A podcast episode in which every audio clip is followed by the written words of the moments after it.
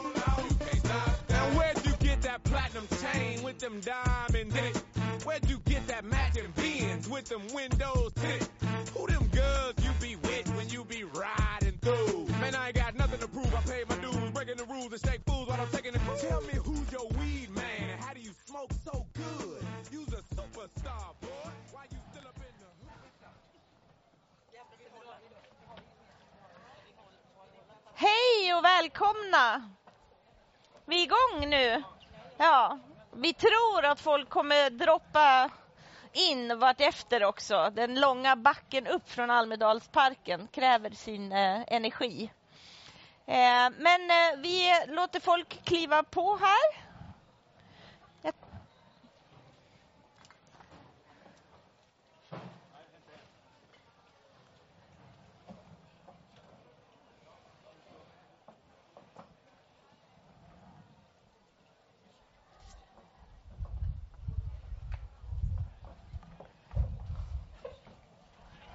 Vi kör livesändning. Ja, jag bara kände mig så här vilsen plötsligt. Då kör vi. Eh, hej och välkomna. Eh, ni befinner er på Hej Digitalt. Eh, det är, jag heter Britt Stakston och är en av dem som har tagit initiativ till det här tillsammans med Emma Egnell som står där inne. Eh, och Beata Wickbom är den tredje. Jag tror att hon vilar ut någonstans. Vi har 54 programpunkter här och fantastiska samtal om digitalisering ur en mängd olika perspektiv. Allt livesänds, så vi säger hej till de som sitter och tittar på oss som inte är här med oss. Eh, vi eh, tänkte att vi avslutar den här kvällen med att ha ett samtal om medborgarfinansierad journalistik är ett sätt att hantera mediekrisen. Och med ett case, och det är förstås Blank Spot Project. Eh, och jag tänkte, vi gör en första koll, hand upp här alla som är inblandade i Blank Spot Project som grundare eller som medlemmar. Kolla, vad roligt! Kan vi få ett kort på det här, Lin? Upp med händerna igen så att vi har liksom så vi har koll på hur många det faktiskt var. Jätteroligt! Eh, och då tror jag ändå, jag får eh, vill säga att vi har ju faktiskt förmånen att ha en hel del av oss grundare här. Vi har David Isaksson, sitter där borta. Eh, Julia, var tog du vägen? Där är Julia Björne. Eh, och vi har Martin Schibbye. Och Nils Resare. Och så jag. Och saknas gör då Magda Gad, eh, Mia Laurén och Anki Wood. Eh, men ska vi bara som en liten kort introduktion eh, innan vi börjar problematisera vad vi egentligen tycker, tänker och tror om medborgarfinansierad journalistik som, som, som ett sätt att hantera mediekrisen, om, om vad vi faktiskt gjorde. Eh, och Julia, om du fick så här bara, vad gjorde vi och när? Ehm, Jag vet inte, om vi kastar oss ut för ett stup. Ja. Ehm, när var det vi satte igång? Jag kommer inte ens ihåg. Ehm, det var ju... Jag tror vi alla förenades ju av någon slags vilja av att någonting måste hända. Det måste ske någon slags förändring. Och, ehm, det var väl egentligen den stora gemensamma nämnaren. Och sen när, eh, när vi möttes och kom på den här idén så gick det ju väldigt, väldigt fort. Ehm, Från idé till 1,3 miljoner insamlade kronor. Vi räknade nyligen ihop det, det blev precis under 1,3 miljoner. Och drygt Ja, det blev 2500 så. backare. Ja. Häftigt. Ja. Och vi gjorde det ju med en crowdfunding-plattform och det roliga är att vi har två stycken från Funded by Me här. Ja. Var satte ni er? Där! Ja, Vi kommer nog återkomma till, till vad kanske vi kan fånga upp när ni ändå är här, vad det finns för crowdfunding-trender och så. Just det. Ja, Nej, och sen var det väl bara lite så... Det kändes då lite som en sån här chansning. Vinna eller försvinna. Kommer det bära? Jättenervöst hela vägen fram till mål. Men så kul att, att det funkar. ja. Eh, jag tror jag ber Nils komma upp också, för du var ju den av oss som var lite extra skeptisk i början. Jag var jätteskeptisk. Det här, det jag Kom, tänkte- ställ dig ja. på den här sidan tror jag, så slipper vi den stolpen. Ja. Ja, nej, jag, jag trodde inte på det här. Folk, folk försökte övertala mig att vi skulle kunna samla in över en miljon på, på journalistik som inte var gjord. För vi hade ju inte gjort ett smack. Liksom. Eh, och eh, det är lite svårt att sälja vara som inte finns faktiskt. Så att, eh, jag var inte skeptisk i början. Men så, så, så pratade vi om det här och så insåg vi att ja, men det är någon sån kris i den här branschen så att någonstans måste man börja om från början och göra riktig journalistik som det var tänkt. Liksom. Man blandar inte in massa mellanled och mellanchefer och massa reklammakare och sådär utan vi bara gör journalistik för de som vill ha journalistik. Det är liksom en prenumerant eller en medlem som vi kallar dem och så levererar vi till dem. Ungefär så, renodlat. Mm. Mm. Ska vi ta upp David Isaksson? Vad var din ingång i det här?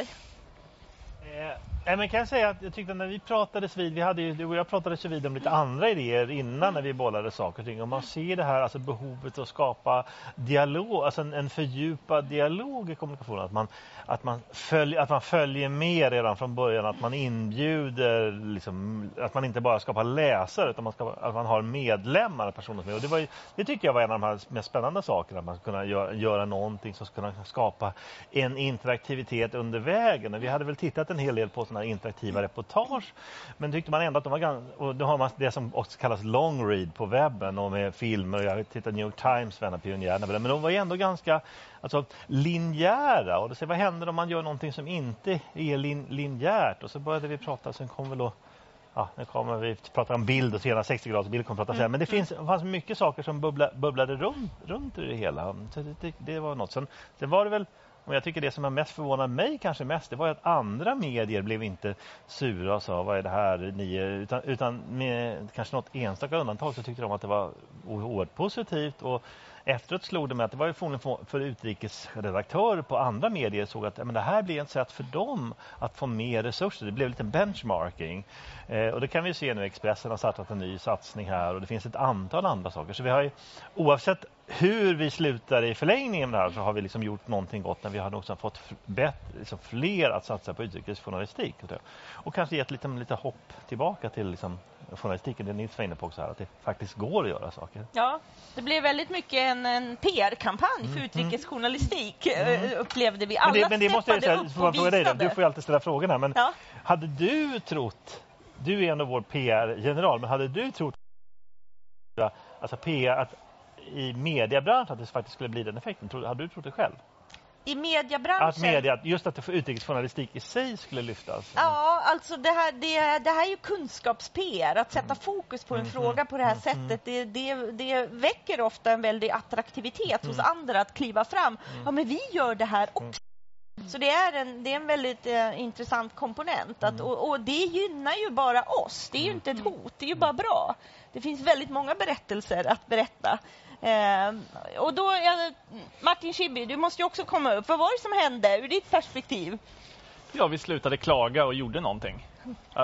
Kontentan var ju så att vi hade alla gnällt så himla mycket på att det är kris i medierna och utrikeskorrenäten skärs ner och det är så många röster som inte hörs och så många perspektiv som glöms bort. Och så tänkte vi, nej men vi, ja, vi gör någonting åt det helt enkelt. Och, och fick ju då det här enorma gensvaret som är lite som David är inne på. Att i början tänkte vi så här, vi ska samla ihop en, en miljon. Men sen så förstod man ganska snabbt att det verkligt unika med det här, det är ju ni som sitter här och ni som tittar på det här. Det är ju liksom att det här engagemanget som byggdes upp under kampanjen och som ju också har, har fortsatt eh, efteråt, att det är verkligen den här kontakten med, liksom, med, med er medlemmar. Ju. Att som, liksom, det har gått från att bara vara passiva läsare till att vara medskapare och tycka till och ha idéer. Och, eh, den, eh, den känslan, det hade jag nog inte riktigt... Det, det blev tydligt under kampanjen, alltså den kraften som fanns. Också om man tänker så här i förlängningen vilken källa till unik journalistik det är.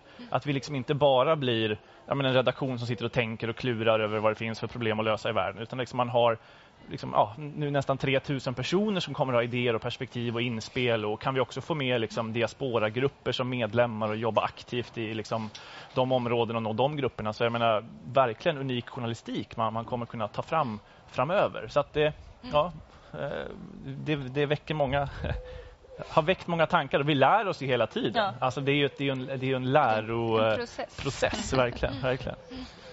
Och det har ju varit eh, fantastiskt spännande att följa ert arbete som, vi kan ju säga att det är Martin Schibbye och Nils Resare som är redaktionen idag. Ni är halvtidsanställda eh, fram till september eh, för de här pengarna som, som vi crowdfundade då.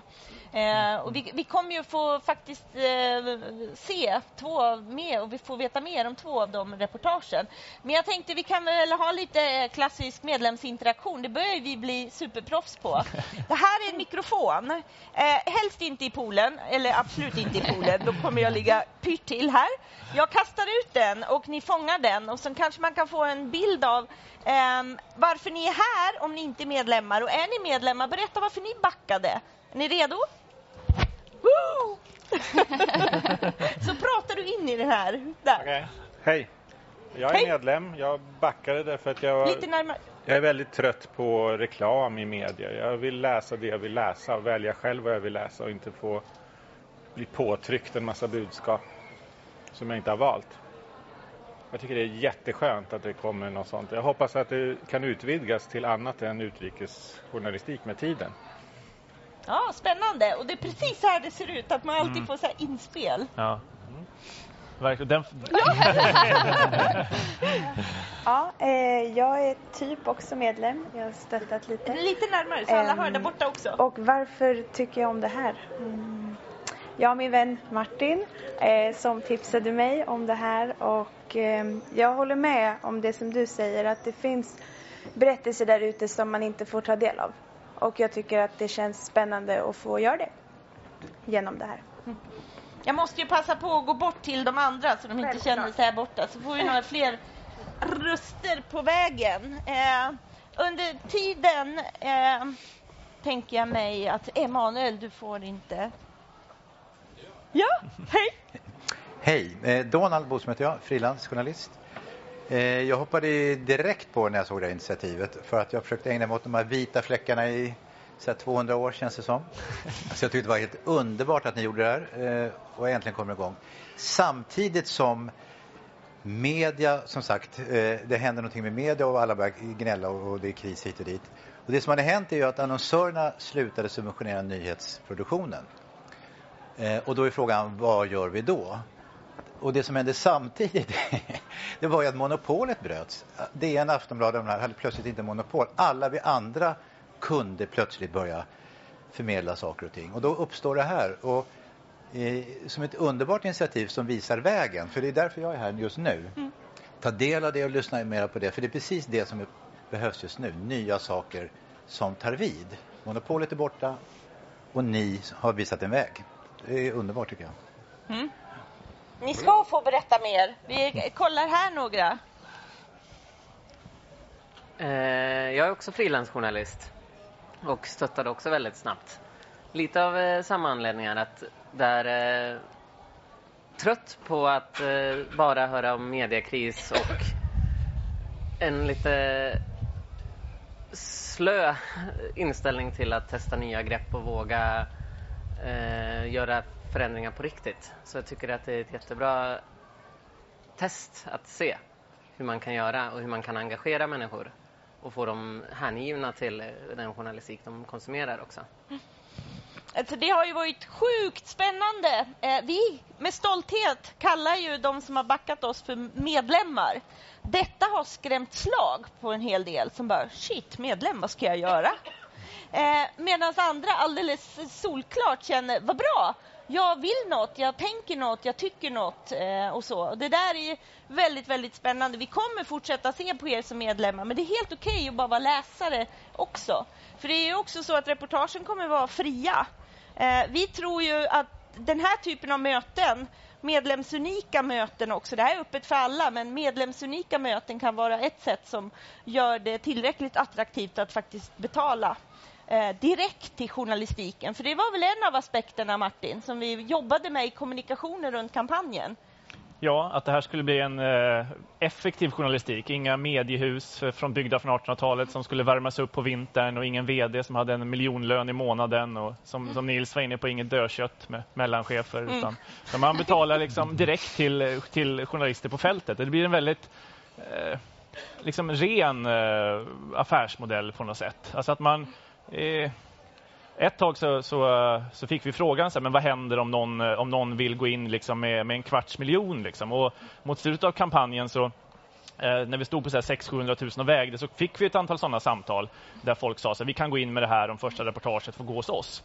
Men då var man ju så liksom eh, eh, trygg i det här engagemanget som man kände nej men vi, det är medlemmar vi behöver liksom. Vi, mer än kanske någon som går in med det. Men sen klart vi välkomnar ju absolut om människor vill gå in med, med stora pengar i det här projektet. Så är det ju. Journalistik kostar och jag hoppas att vi också får se en attitydförändring att man tidigare kanske har gett till, till välgörenhetsorganisationer att man nu känner att det som verkligen gör nytta i världen är att ge till journalister eh, som avslöjar korruption och som kan verkligen orsaka förändring på lång sikt i de här samhällena. Att, det, att den tanken börjar väckas hos folk hur viktig journalistiken är och att vi måste betala för den annars blir priset väldigt högt. Mm. Och eh, jag, en av mina uppgifter är ju det här med att det inte är fult att tjäna pengar när man gör sådana här saker i det här projektet. Så det kostar 599 kronor. Så för de av er som inte är medlemmar så är det minst 599 kronor. Det kan man ju då säga som ett års prenumeration, eh, vilket många bara, nej men jag vill inte prenumerera, jag vill stödja er i det. Och det är då man blir medlemmar också. Eh, men det är väl bra att vara tydliga med det. Eh, men jag tänkte, det finns ju i arbetet med att eh, skapa uppmärksamhet och tack vare en crowdfundingplattform som Funded by Me få igång engagemanget. Eh, så att gå från idé, åtta personer, fem av oss här nu, vi kände inte varandra tidigare, vi kände varandra i små konstellationer och det är en styrka i att gå från idé till verklighet på så kort tid. Eh, och då i, i arbetet med att sätta igång den här kampanjen, då jobbade vi mycket med att just bjuda in människor som fick reflektera, som fick en chans att ställa frågor, pröva vår egen argumentering kring vår idé. Och då gjorde vi en sju timmar lång livesändning. Vi gillar livesändningar, det är bra. så här. Sju timmar lång pressändning kan man också kalla det. Och en av de personerna som vi intervjuade, det var Jonas Nordling. Du är ordförande i Journalistförbundet. Jag tänker mig nästan att du kan komma upp hit för att eh, du gav oss energi den där dagen. För vi ställde ju en fråga, är det så här det ska se ut i journalistiken? Och ditt svar var kort och enkelt, minns du vad du sa? Eh, nej, jag minns inte exakt vad jag sa, men det är kul att jag ger energi, så jag sa säkert något väldigt positivt. Du sa äntligen! Ja, äntligen sa jag. Det är sant, det sa jag faktiskt. Jag, tänkte, så. jag minns det. Det var en väldigt speciell morgon också när ni drog igång det där, för jag kom dit i kostym och slips, vilket inte händer jätteofta, ska jag säga, därför att jag skulle prata i konstitutionsutskottet om hur utsatta vi är i kåren när det gäller säkerhet och, och sådana bitar. Eh, och, och, just det att bryta upp morgonen med en sån ja, supertung dag som man hade framför sig och landa i er entusiasm när ni, när ni startade det här projektet. Ja, det, det, var nog äntligen som var verkligen känslan på alla sätt och vis. Och det tror jag inte bara gäller mig, det gäller nog faktiskt många i branschen och det har vi hört många vittna om här också. Att, att i, i tider som de vi lever i som journalister idag så kan det vara skönt att, att se att det, det liksom finns ett värde i journalistiken som faktiskt fler delar och det är ju också exemplet ni, ni visar upp här. Det är för att det faktiskt det finns folk som värdesätter journalistiken så som vi faktiskt vill se den även i fortsättningen. Mm. Men eh, jag tror att du har, även sedan tidigare dykt ner lite i det här med crowdfundad ja, journalistik. Det är helt rätt. Och, och en av anledningarna till att jag också sa äntligen, det var därför att för nästan ja, nästan ett och ett halvt år innan så hade jag baxat fram en eh, riktlinje för förbundet hur vi skulle se på crowdfunding som fenomen. Mm. Och då var det väldigt mycket så här med crowdfunding, glöm det liksom. Att det, och det var också många när vi väl baxade igenom det här hur vi skulle liksom resonera kring Eh, vad som är bra crowdfunding, vad som är mindre bra crowdfunding utifrån ett redaktionellt integritetsperspektiv. Så var det många som efteråt sa, men varför det där kommer inte lösa några problem med journalistikens kris och sådana saker, eller affärsmodellernas kris. Och därför kände jag också äntligen någon som faktiskt ser crowdfundingen som ett verktyg för, för, att genomföra det man vill göra. Och att det faktiskt inte var heller eh, eh, tankeverksamhet som vi hade lagt ner som, som var helt bortspeld. Utan det fanns faktiskt, vi hade tänkt tankar som ni slapp kanske förhoppningsvis tänka när det gällde integriteten om inte annat. Så mm. Martin, Nils eller Julia, David, någon fråga, reflektion till eh, Jonas? Nej, men alltså det är, det, är ju det är ju alltid komplicerat just där du säger integritetsfrågan och det är en av de saker vi har diskuterat jättemycket. Hur, hur hanterar vi det i redaktionen? Och då tog Nils tidigt fram tydliga riktlinjer för det är ju så att jag menar, Britt, du har annan, andra aktiviteter, jag har andra aktiviteter, vi har flera. Alltså man sitter, och det gäller verkligen att säkerställa den integriteten. Och jag tror också att det var många sådana här alltså, go, pratar, godhetsorganisationer eller organisationer i fri, biståndsvärlden som när de hörde av sig, åh jättebra, kan inte ni göra någonting om oss så här och vårt del? Men det är en väldig poäng att vara fri också från de aktörerna. Så där ligger det stycken. Och så tänker jag också nu den här diskussionen med det här branded content som ju blir, menar, som ju dessutom, det var ju inte riktigt, det blev väldigt stort ungefär när vi mot slutet av vår kampanj. Då blir det ännu viktigare att man har den här liksom, integriteten i, i det, det journalistiska jobbet. För det är ju liksom det, det är där varum, varumärket finns ju i, finns ju i det.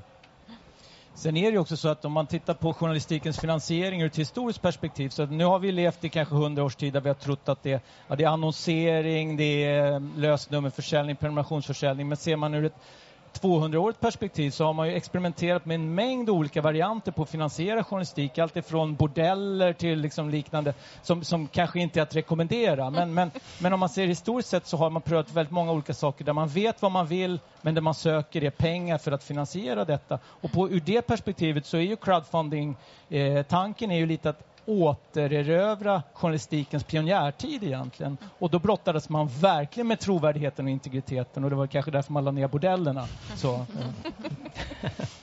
Martin, någon kommentar? Nej, men det, det är spännande, för när, när vi hade dragit igång så började vi göra de här internationella utblickarna. Alltså, och då hittade vi ju bland annat uh, The Correspondent i, i Holland som ju har världs, det vet kanske funded by me mer än jag, men har världsrekord tror jag i vad gäller journalistisk crowdfunding. Har de drog det in- fortfarande? Jag vet inte. Nej, men inte den spanska tidningen Någon spansk som har slagit dem nu. Ja, det händer. Ja. Och då såg vi att just nu så händer det väldigt mycket Mm. på kontinenten. Just att mediehus, eh, eller ja, nya mediehus Mm. uppstår helt enkelt, crowdfundade. Eh, Och att det verkligen var en, eh, ja, en, en, en trend. Liksom. Men det var vi lite omedvetna om för att det uppstod ju för oss ur ett eh, Ja, ur en krissituation. Liksom. Vad gör vi? Hur, hur fortsätter vi bedriva kvalitetsjournalistik? Hur fortsätter vi att liksom ha kängor och fotografer på, eh, på, på backen? Eh, att, ur, ur det uppstod hos oss och så ser vi att andra har gjort samma analys i, på andra platser. Eh, Och ännu fler kan göra det i framtiden. Det är väl så. Det är inte bara här. Vi Ja, och- fler kan gå vidare till Ja, frågan som kom här om så här, att man hoppas att det kan också bli liksom inrikes eh, grejer. Det är en fråga som, man, som faktiskt alltid kommer när man är ute och pratar om blankspot. Alltså om man är ute i landet så är folk så här, men herregud, hela vår kommun är en blankspot. Alltså, eh, ingen granskar liksom fullmäktige eller tingsrätternas diarier eller liksom, varför kan inte, varför ska ni åka till liksom Ogaden för? Ni kan väl komma hit, här är Sveriges Ogaden. Alltså så här, det, det får man ju hela tiden när man är ute och pratar och det där hoppas man ju att, jag tror inte kanske att det just nu är, är, är vår roll att göra det, men vi hoppas ju att vi kan inspirera andra som blir uppsagda. Alltså det är ju siffror, jag vet inte om, men på att det är 800 journalister som har sagts upp de sista liksom, två åren eller någonting. Och det, man hoppas ju att några av dem också förvandlar krisen till, till, till någonting annat. Man kanske inte bara behöver jobba i kommuner. Nej. Det, det kostar ju extremt mycket, det vet säkert alla ni, att göra kvalitetsjournalistik. Det är liksom, speciellt när det är utrikesjournalistik. Det, det är oerhört dyra resor och det kräver väldigt mycket av reportern och fotografen och sådär. Och, och eh, en ambition som vi har med det här projektet det är väldigt mycket att, att berätta om den här processen så att det liksom, man kan följa våra reporterteam. Eh, de bloggar hela tiden och, och det, det, dels är det spännande att följa de här och alla deras även, eh, öden och äventyr som de är med om i stort och smått. Men, men det är också ett sätt att berätta hur otroligt komplicerat det är att göra kvalitetsjournalistik. Och då hoppas åtminstone jag att eh, folk förstår att det här måste man faktiskt betala för. Vi kan inte bara förvänta oss att det här är gratis på nätet och att man kan dela det hur som helst. Att man liksom faktiskt förstår det. Jonas, du ju... Ja, Jag tänkte också säga att det ni befinner er nu också, ni har ju gått igenom en, en otroligt framgångsrik första fas. Men det, det Correspondent i Holland visar på Krautreporter i Tyskland, det gör så att nästa fas är också möjlig att få kontinuitet i det här. Och det är väl det som kanske jag är mest spänd på, så att jag hoppas att jag kan säga äntligen till fas två också. Så att, ja. Men du är ju faktiskt också medlem. Har du haft en chans att gå in och titta i de här stängda Facebookgrupperna som vi har jobbat med som ett test för att prova medlemsinteraktionen? Nu ska jag vara ärlig och säga att jag, jag är ju medlem av Solidariska skäl, jag är medlem i väldigt mycket Ja. och jag prenumererar på extremt Ja. många tidningar rent generellt också, men jag aktar mig väldigt mycket för, för jag har full respekt för vad ni vill uppnå, men jag, just i min roll ska jag nog akta mig för att delta i någon typ av påverkansprocess överhuvudtaget. Ja. Men jag är glad att få sprida energi på det här Ja. sättet. det kanske är värt något. Liksom. Exakt. Ja. ja, men eh, någon fråga från publiken kopplat just eh, generellt till crowdfunding som är ett sätt att hantera mediekrisen?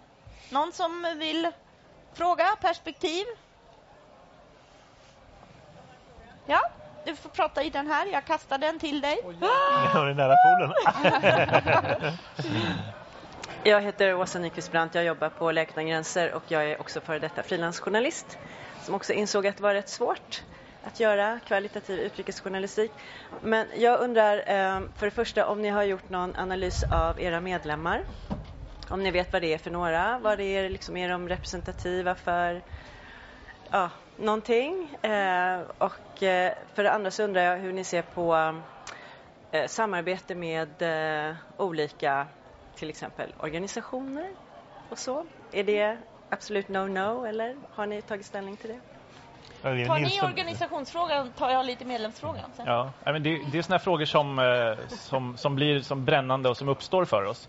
Jag kan, jag kan känna en, med, med all respekt för allt det som hjälporganisationer gör, en oro för att många journalister eh, idag liksom blir att man gör, man, man bäddar in sig helt enkelt hos, hos eh, ja, ja, man nämner, jag behöver inte nämna några namn, men några organisationer och liksom, och då, då blir det mer att det blir liksom en oundvikligt en, eh, liksom en in, att, att det syftar till att vi ska ge pengar, det syftar till att vi ska samla in och jag kan känna att, att journalistikens uppgift är just att vara, vara oberoende men att det har blivit svårare och svårare och dyrare och dyrare. Så att det jag ser samarbete med till exempel Läkare Utan Gränser är inte liksom att, att vi åker med Läkare Utan Gränsers bilar och ska täcka era, era projekt. Men, men i en analys av liksom, men vilka är världens vita fläckar? För det, för det tror jag ni ser jätteintressant. Vad, att människor vill ge pengar liksom efter katastroferna i liksom Nepal när barnen ligger klämda under, under rasmassorna. Men liksom innan då, liksom, alla vet hur kontinentalplattorna ser ut. Alltså man vet var det kommer, eh, var, liksom, var det kommer hända saker. Och, och där, där kan jag känna att, både, att man journalistiskt kan göra nytta och vara på plats före saker och ting händer. Och då tror jag man behöver det idéutbytet med organisationer som, som Läkare Utan Gränser. Så jag tror det är liksom nyckeln att, att, att konceptuellt liksom tänka, tänka kring det.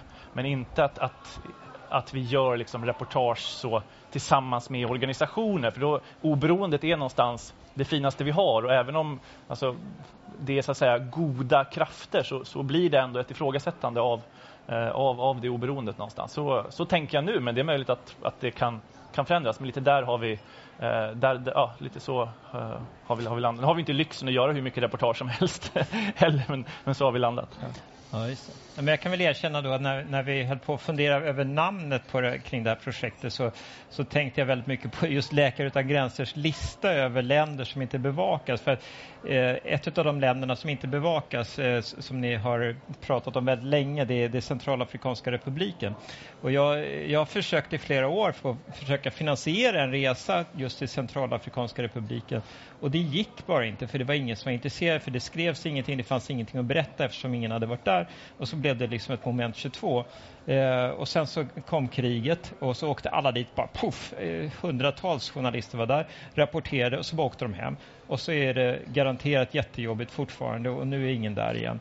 Och det här, för mig har det här blivit som en illustration för varför man behöver någonting som Blankspot. Att det behövs rapporter även om, av de områdena som inte är hetluften för, för tillfället. Eh, det finns väldigt viktiga, det finns en preventiv eh, liksom, journalistik som kan göras. Liksom just att man får öppna världens ögon och säga det här är faktiskt väldigt allvarligt det som håller på att ske i Centralafrikanska republiken. Jag är övertygad att man, om att man kunde se det för flera år sedan. Eh, så att på det sättet så har jag i alla fall inspirerats av Läkare Utan mm. Gränser. Men sen kan man lägga gäller- till där, jag tycker det är ju också att de vita fläckar inte bara där det är elände som vi inte har märkt. En vit fläck är också, eller väldigt hög utsträckning, är någonting där utvecklingen är ganska bra. Där vi ser det inte för den plötsligt, så plötsligt så, så händer det någonting eller det smäller, eh, smäller till. Och därför är det ju därför är det otroligt viktigt att följa den utvecklingen. Och det är kanske ännu, det är på sätt och vis en ännu svårare journalistik. Man skildrar en framväxande, ganska nöjd medelklass i, i en provins i Indonesien. Och det är, Indonesien är ett jätteviktigt land globalt sett. Och det, det, det finns sådana stora utmaningar också, men vi behöver ha den bilden av världen också för att kunna förstå det andra. Det, världen går, jag menar, vi, vi har problem på liksom det elände och krimin, det går ju också väldigt hög utsträckning framåt i världen. Och man behöver ha båda sidorna för att förstå hur det ser ut. Och medlemsfrågan eh, så är det ju absolut så att det här är ju liksom första fasen på en folkrörelse för utrikesjournalistik. Men i den affärsplan som finns och, och i målgruppsdefinitionen som, som du är ju tvungen att ha med i ett sådant eh, sammanhang eh, så är det ju att vi är, det, det är ju en av, en av teserna vi driver här, att vi vänder oss till den samhällsintresserade världsmedborgaren eh, och, och eh, vägrar prata ålder, kön, bostadsort eller några sådana saker. Och en del av, av beviset för hur det ser ut, det, det bär ju Martin Schibbye och Johan Perssons historia om. Att haft, jag hade ju förmånen att få jobba med en del av PR-arbetet runt 438 dagar och att se den Zlatan-effekt som finns runt intresset för utrikesjournalistik som följer med Johan och Martin. Det är över hela landet och i alla åldersgrupper. Det är fullsatta bibliotek med den klassiska kulturtanten, om vi ska vara ärliga. Men det är också fullsatta universitetsaulor för hela program. Eh, och det var ju en del av utgångspunkterna när vi vågade. Och, och det handlar ju om att ta, ta Alltså att använda digitaliseringen till sitt bästa. Och, och, vi tog ju en fight mot de söta katterna på nätet. De har sin funktion, de är fantastiska. Eh, men det betyder inte att människor inte bryr sig om omvärlden och inte bryr sig om kvalitetsjournalistik och, och vill veta mer om världen utanför Sverige. Eh, så att, eh, men Eh, Lisa eh, Bjurvald och Mar Mar Margret Atladottir i AB-podden nämnde lite, ehm, de gillar ju Blackspot Project, men nämnde i så här förbifarten, men det, det, är alltid bara så här elitprojekt. Och det är klart, på tre veckors kampanjande, men det man ska tänka på är att vi dels har eh, Martin Schibbye och det nätverk han har som når ut brett och du var ute runt om landet under de här tre veckorna också. Sen har vi med eh, ni som har jobbat eh, tidigare med omvärlden, med den publiken, kanske mer traditionell eh, utrikesreportageläsare på många sätt och vis. Och sen var det ju därför vi faktiskt valde att använda Funded by Me. Att vi ville nå ut i startup och digitalsfären eh, eh också. Eh, så att eh, vi ville börja liksom luckra, i, i, gräva lite i det där. Men de 2500 medlemmarna vi har, en del av, av den framtida eh, utvecklingen eh, av affärsmodellen och medlemskapet handlar om att medlemmar rekryterar medlemmar och eh, de här ringarna på vattnet hela tiden. Och sen är ju det en del av, av nästa fas, att fortsätta jobba med en bred rekrytering och jobba med skolor och en, en massa sådana idéer. Vill ni fylla i något som har funderat i de här banorna också, hur vi ska nå ut vidare med men tanken är att, att nu, i fas två så är nyckeln att, att göra journalistik som, som du är inne på Jonas Norling. Och, och då är tanken att hur, man, hur gör vi då den journalistiken på, på ett nytt sätt också? Alltså tidigare så reste man i all hemlighet, gjorde sitt reportage och sen publicerade man det och så liksom, ja, sa folk bu eller bä och sen så nästa dag så gjorde man någonting nytt. Att nu har vi ju två satsningar som vi har börjat, liksom Blankspot 1 och Blankspot 2, som ju, som ju är pågående liksom, granskningar och jobb i Peru och i, och i Burma. Och där har ni varit med från starten, liksom, från första spadtaget, att vi har liksom lämnat, lämnat Sverige. Och, och där tänker vi inte heller att det slutar när reportaget är klart, utan vi, vi ser möjligheter till, till utställningar och till seminarier och att till att ja, de som kommer prata senare här idag ute i Sverige och pratar om, om, om sina reportage, att, att det lever vidare på så sätt. För det är ju så de här konflikterna upphör ju inte, eller de här frågorna vi, vi bevakar bara för att journalisterna reser hem, utan att man också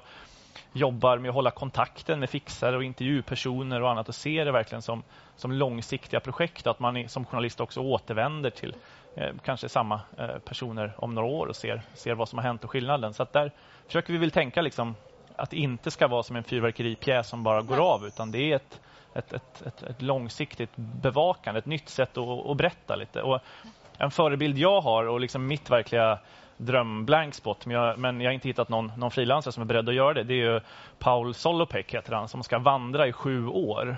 Han ska gå från Etiopien och sen så hela jorden och så avsluta på Sydamerikas sydspets och så bär han med sig liksom solceller och så ja, rapporterar han liksom varje dag vilka han möter och vilka han träffar. Liksom det, är min, det är min ultimata blank spot, liksom. en, en, en, en, en sju eh, Ja, han har nog vuxna barn tror jag. Men, alltså, men absolut, alltså det, men någonstans så, eh, jag blir ändå inspirerad av honom. Att han liksom, det är både slow journalism och samtidigt är det digitalt i framkant och han har satelliter och man är med honom dag för dag, timme för timme liksom, och kan följa hur han går. Men någonstans är så, sådana såna reportage ser jag att, att vi kommer göra liksom framöver, verkligen, verkligen långa. För att det är också ett problem att branschen ser ut som den gör. Då blir de frilansidéer vi får liksom, är anpassade till liksom, 10 000 tecken, ett antal bilder. Eh, Men alltså att vi måste också få det, vi måste också själva liksom ruska om huvudet och tänka så här, ja, men vi, vi, vi har såna, såna, såna möjligheter och vi måste liksom fortbilda oss, oss själva också för att, för att verkligen för, förstå det, vad, vad vi kan göra, hur vi kan berätta. Vi ska strax gå faktiskt över och höra vad det, är, eh, vad det är för reportage som har valts ut och hur den processen har sett ut. Men jag tänkte innan vi släpper Jonas till exempel så är ju en av ambitionerna, en av dem, vi gjorde ju 12 riktlinjer under kampanjen, var ju att bli den bästa arbetsgivaren. Eh, berätta lite om hur, hur, hur det eh, eh, har sett ut, tankarna kring det. Alltså det är ju ren självbevarelsedrift på något sätt. Men, men liksom efter 25 år som frilansjournalist, jag vet inte hur många som har varit 25 år som frilansjournalist i det här landet, så känner man liksom att villkoren försämras hela tiden. Eh, och eh, det, det är liksom, eh, nu är det nästan omöjligt skulle jag säga, i alla fall om man vill jobba med seriös eh, utrikesjournalistik och granskande journalistik och så. Man kan inte riktigt fri, eh, det går inte riktigt att försörja sig. Och eh, ja, det som hände Martin och Johan, det, det är också ett bevis för kanske att medier inte tar ansvar ordentligt för, för de de skickar ut och sådär. Eh, så att vi ville, vi ville försöka göra det här bra. Liksom, och, eh, det, det här är inte så lätt att liksom, eh, ha fullständig kontroll över eh, team som man skickar ut i världen. Så där. Men, men det, man kan göra ganska mycket och man kan göra, eh, ja, vi har försökt göra så mycket vi har kunnat hittills för att liksom se till att det blir både ekonomiskt tryggt och möjligt att göra den här typen av journalistik. Att de kan satsa på ett reportage, inte 40 reportage när de är i ett land. Eh, och att eh, alla säkerhetsåtgärder är genomtänkta ordentligt. Projektanställningar har ni pratat om. Ja, också att det som har varit ett, ett aber när man jobbar som frilans är att man har tio jobb att göra när man är på en plats. Att, eh, och då har man också tänkt det man vill för att verkligen leverera kvalitet, det är att kunna vara anställd och så ha alla kostnader betalda och så ägna sig åt en story.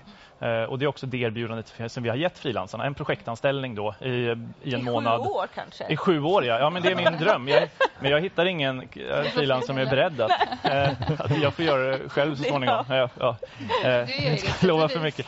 Men, eh, eh, nej, men så, så har vi tänkt och så har vi budgeterat i reportagen. Att det är, vi, har, vi har projektanställningar eller att man väljer att ta motsvarande F-skatt. Och då har vi använt den fantastiska frilanskalkylatorn som Journalistförbundet har. Men för första gången har jag använt den som redaktör och arbetsgivare och inte Ja. som frilans. Det blir liksom ett, ett, ett omvänt tänk. Och så har vi varit i kontakt med, med fackklubbar på ja, utrikesredaktioner och fått hjälp med hur, hur avtalen ser ut. Så att, och det här kommer jag skriva om helt eh, transparent framöver eh, när jag har liksom, ja, exakt koll på det krona för krona var, vad, vad det kostar och vilka, som ett sätt att benchmarka. Och jag tycker vi har kunnat se resultaten av det. Nu ska inte jag säga för mycket men jag tycker att den kvaliteten som Emanuel Cedé har kommit hem ifrån Peru och som de har kommit hem ifrån Burma, Carina Jemsby och Martin Edström. Nu är det här liksom Sveriges skickligaste eh, journalister och, och det är också därför de, de har skickats. Men eh, jag tycker ändå att, att det har varit eh, att, att vi verkligen har fått, man har alltså en miniminivå, maximinivå man hoppas på ett reportage och vi har alltid liksom legat på den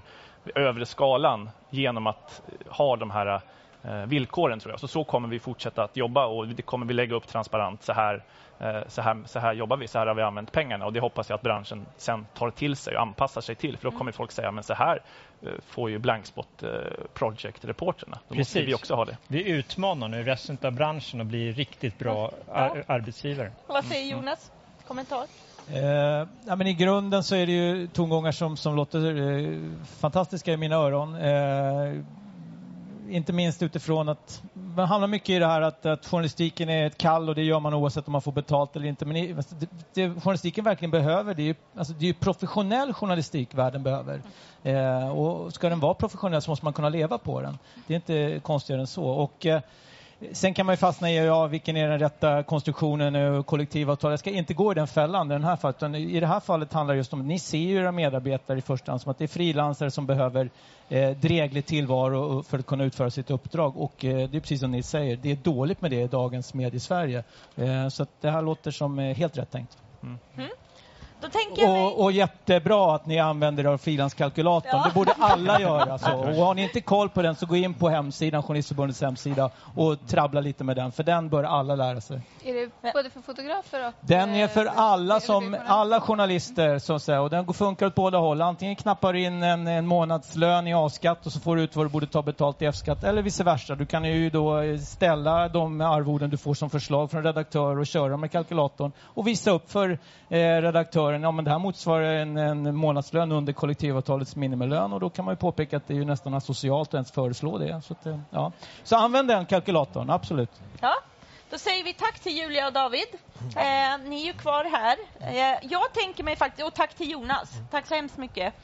Jag tänker mig faktiskt att ska vi inte passa på att gå och hämta något att dricka?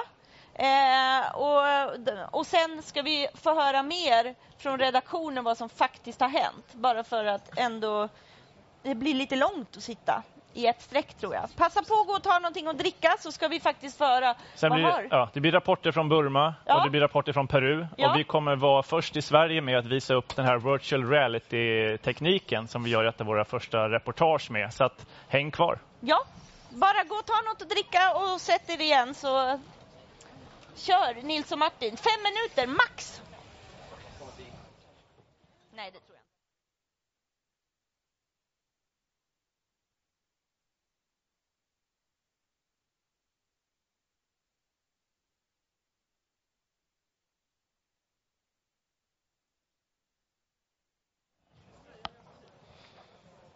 Är den på nu? Ja, vad bra. Välkomna upp ni som står i trappen. Förse er med något att dricka, lite nötter eller så, så att ni har energinivån hög för att lyssna på vad redaktionen för Blank Spot Project har gjort.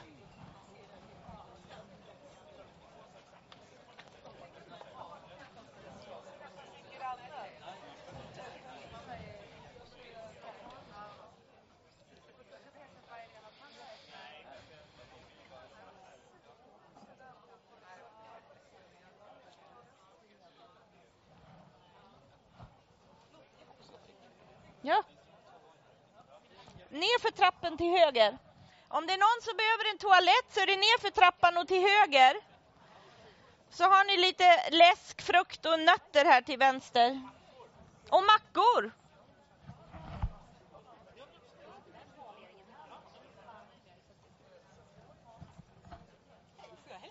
Hej! Malin Ro heter jag. Eh, jag grundade för Real Stars. Vi jobbar mot trafficking.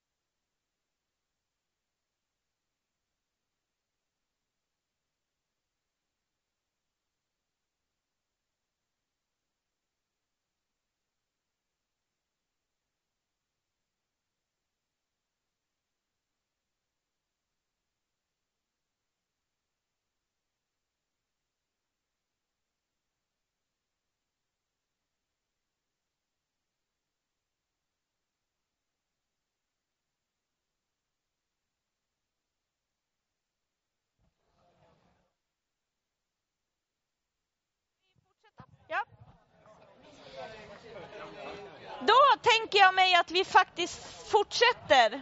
Eh, så att inte tidsglappet blir för stort. För det här ska ni inte gå miste om att höra vad som faktiskt har hänt. Nils och Martin, jag lämnar bollen till er nu. Ja, Ja, vi är igång igen. ja. Ja, då Nils tar lead. Ska jag? Yes. Ja, Nej, men vi, ja, men du- vi kan, kan inte du säga lite Vi kan börja om... Eh, men vi hade ju den, den delikata uppgiften att sjösätta ett antal projekt och då är väl eh, principen liksom i livet privat och även professionellt att underlova och sen överprestera. Eh, så att vi lovar ju två reportage under, under kampanjen, men det kommer bli fler än, än två kan vi avslöja nu innan vi i september står och, och säger det här gjorde vi med, eh, med miljonen. Men, eh, och vi hade ett antal eh, möten med, med, med frilansare men också bestämde sig för att, att, eh, att göra ett, eh, ett reportage själv som jag åkte och gjorde och som var av den naturen att det inte gick att berätta om medans, medans man gjorde det. Eh, men det kommer jag, jag kan, ja, återkomma till, till sen. Nu ska det handlar om det vi kan berätta om.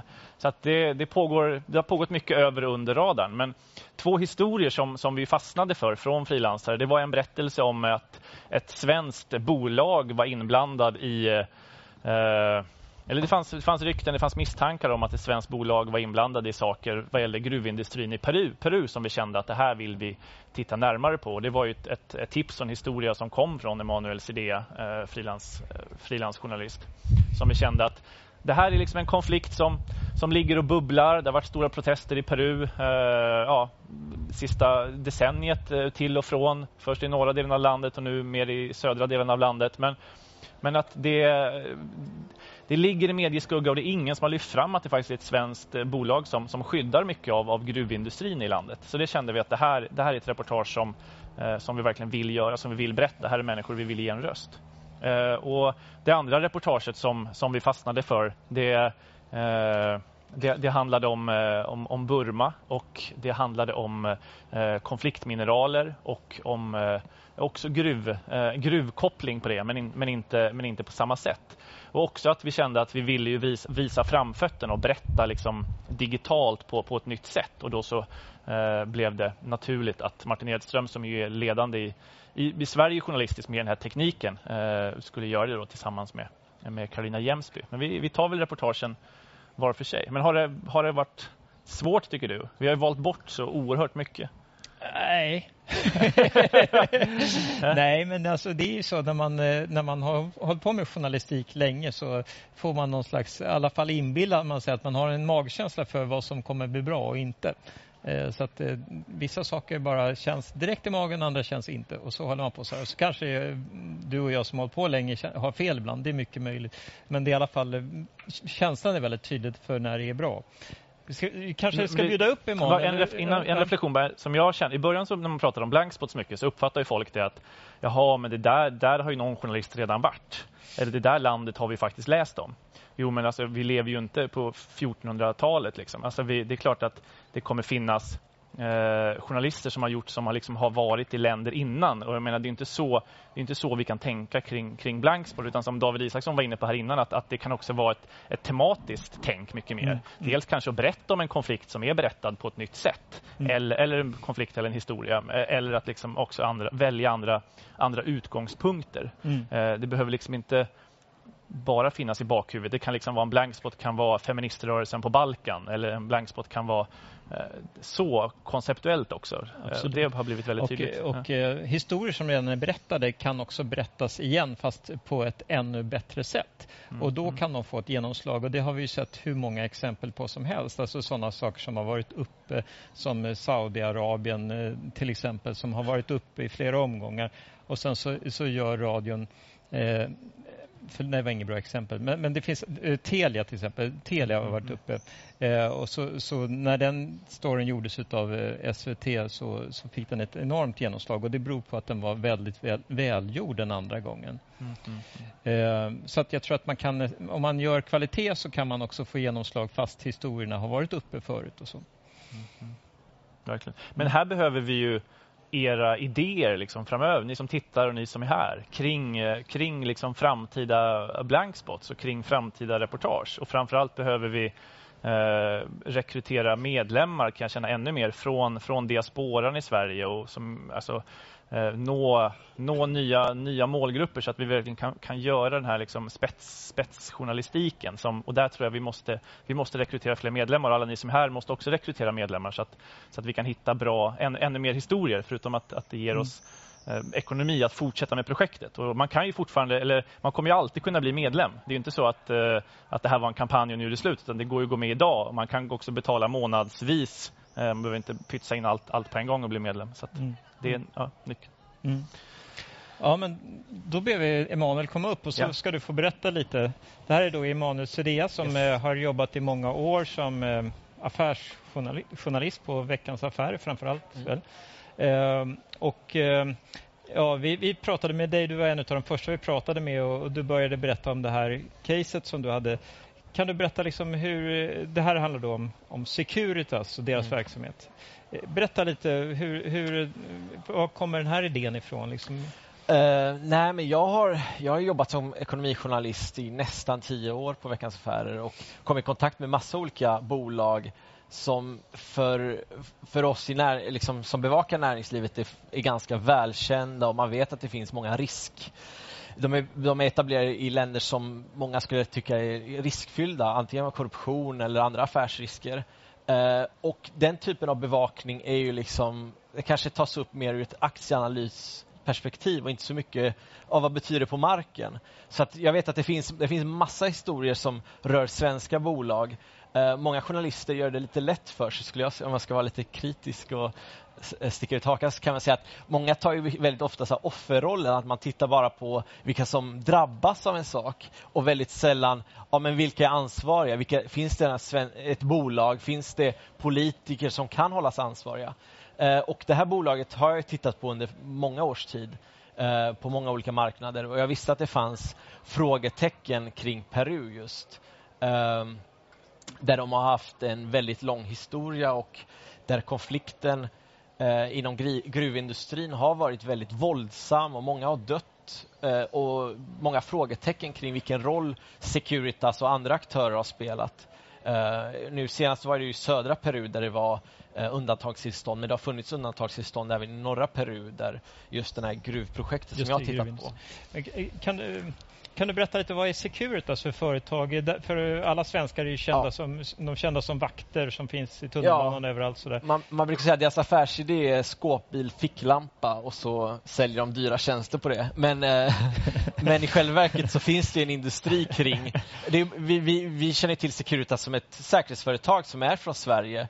Ehm, och de har funnits sedan 30-talet. Eh, räknat till personal så hör det till en av världens största. Det är över 320 000 anställda. Ehm, så att det finns, och de är i ungefär 50 länder runt om i världen och har expanderat eh, genom att just förvärva bolag och inte genom att etablera på egen hand. Ehm, så det, är ett bolag som man kan säga är, tillhör en av de största i Sverige, börsnoterat och sådär och välbevakat ur så här aktie, på aktie, aktiemarknaden. Så där. Ja. Men inte särskilt omskrivet skulle jag tillägga. Att det är ytterst lite som skrivs om vad de egentligen gör, hur de arbetar. Och det finns ju, jag menar, det är ju väldigt spännande att höra liksom, de här 300 000 anställda. Vad, hur ser de ut på sin, sin roll och sitt arbete och eh, hur funkar det på de olika marknaderna? Precis, 320 000 arbetsgivare. Tänk att vara chef för, för så många människor. Det är, Ja. det är en grannlaga uppgift och man kan ju liksom då tänka sig att eh, det kan bli problem att styra alla de här 320 000 människorna så att de sköter sig och att, eh, att eh, alla följer de mänskliga rättigheterna och följer samma regelverk. Det här måste ju vara väldigt problematiskt, eller vad säger du? Absolut. Eh, Nu ska inte, reportaget är inte publicerat än, det kommer lite längre fram. Eh, så jag ska inte berätta allt, men det jag kan berätta är ju att det finns ju enormt många utmaningar för det bolaget och eh, till viss del erkänner de att de har utmaningar. Sen erkänner de inte allt som, som liksom man skulle vilja. Eh, men, men någonstans, det är klart att de har enorma utmaningar för att det är precis som du säger att det är jättesvårt att ha, ha huvudkontoret i Stockholm och veta vad som händer i en liten gruvort Eh, eller förhållandevis liten gruvort i norra Peru som det tog oss ja, säg 30 timmar att ta oss till och sista sträckan var vi tvungna att gå i fem timmar eh, för att ta oss upp till på 4000 meters höjd. Att veta exakt vad som händer där, att den informationen färdas och inte blir liksom felvriden eller eh, tillputsad är ju en eh, en utmaning och där tror jag vi hade som uppgift då att åka och träffa de som är förstahandskällor som har upplevt Securitas på nära håll och hade historier att berätta om hur, hur de har blivit behandlade och sådär. Vi, vi ska inte berätta allting, Nej. för reportaget är som sagt inte publicerat. Men, men eh, ge oss ändå en bild av vad de här människorna som du träffade där sa om Securitas och deras verksamhet. Det man kan säga är ju att eh, de är ju, till att börja med så är folk väldigt eh, anti-gruvindustrin, alltså enormt motstånd eh, mot att bedriva gruvverksamhet. Men trots det så fortsätter eh, staten att göra det. Så att det finns ett folkligt missnöje och folk demonstrerar och tar till liksom alla möjliga, liksom aktiverar sig, bedriver ren aktivism kring, kring, kring gruvorna och mot gruvorna. Eh, och mellan det här gruvbolaget som är amerikanskt, Newmont Mining, eh, så, så är då Securitas som är någon slags eh, ska man inte säga att de hamnar i kläm, men de är någon slags buffert. Så all, alla sammandramningar sker liksom som, genom ombud mot dem. Eh, och de är tvungna att utföra arbetet åt gruvbolaget. Så om gruvbolaget vill säkra eh, Eh, gruvdriften så är man ju tvungen att använda sig av olika verktyg för att hålla folk borta och folk som demonstrerar som kanske vill sabotera eller vill, vill aktivt eh, få stopp på gruvdriften. Då, måste, då blir det våldsamma sammandrabbningar. Eh, sådär. Ja, vi ska väl säga det att Securitas eh, har fått eh, svara på alla frågor som vi har ställt och så där, eh, vid två tillfällen. Eh, Kan, kan du berätta lite vad de har svarat? För det, det, var ju ganska mycket anklagelser här som, som, eh, som kom fram från de här vittnena i Peru.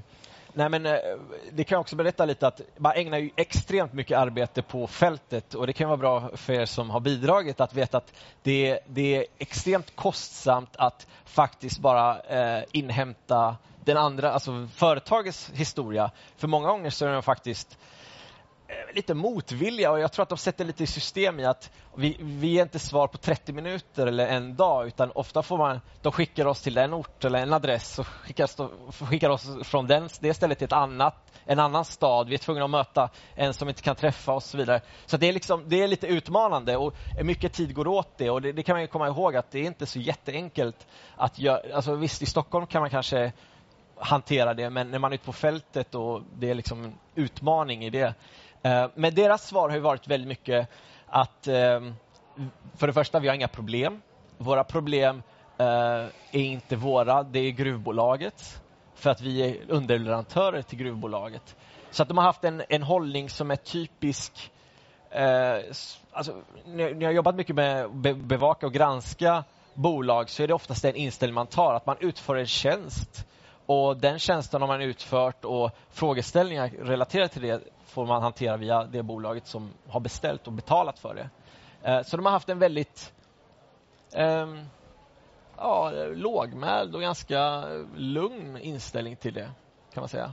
Får jag bara spela, spela in en sak? Det här är ett, alltså, det är ett nytt sätt att jobba med en granskning live. Alltså annars, i vanliga fall så hade vi inte stått så här öppet och pratat om det här. Man inte vetat att det var Securitas eller, eller, eller någonting. Nu har vi ju liksom varit transparenta med hela den här processen. Vad, och här har vi bollat jättemycket så här kring etiskt, liksom, hur man vill ju ge motståndaren en chans att komma med sina bästa eh, argument och det måste de få, få tillfälle att, att göra. V- Vad, eh, hur, hur, har- hur har det tänket varit för dig? Eller den, den resan för dig? Vad ser du för för och nackdelar? Ja, nu har inte jag räknat exakt hur många reportage jag har gjort genom åren, men säg att det är kanske fem, sex stora per år och säg 60 då.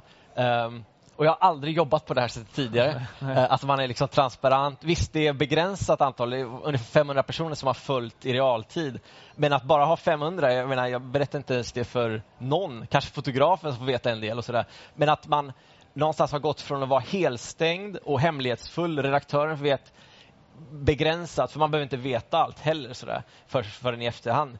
Ehm, så, så har man varit väldigt öppen och det har ju varit enormt utmanande att tänka, I mean, man tänker inte linjärt, man tänker liksom så här och så bara grenas det ut och man tänker om jag säger den här saken, vad innebär det för den delen som jag ännu inte har hämtat där borta och sådär. Så att det har varit eh, väldigt eh, utmanande men stimulerande och det har ju verkligen, eh, jag har lärt mig mer än vad jag gjort de per, på tio reportage, liksom, så här, bara genom att tänka på det här sättet. Men också inputen som jag har fått från från eh, folk som har bidragit till den diskussionen som har varit stängd. Att jag skickade ut frågeställningar som jag har ställts inför. där jag har varit benhård eller haft väldigt så här ryggmärgsreflex på eh, man betalar för en intervju till exempel. Då hade vi en lång diskussion på Facebook. Kan det finnas situationer där man faktiskt eh, inte att man på förhand har kommit överens om det, men att man ändå kunde prata runt den frågan. Och även om inte jag ändrar min ståndpunkt för att den, jag har min anledning till varför jag vill ha den, så, så var det en väldigt intressant argumentation och intressant diskussion att ha inom gruppen. Mm. Um, och som jag tror andra journalister som också är medlemmar kanske inte saknar arenor där man kan föra diskussioner kring dem. Mm. Mm.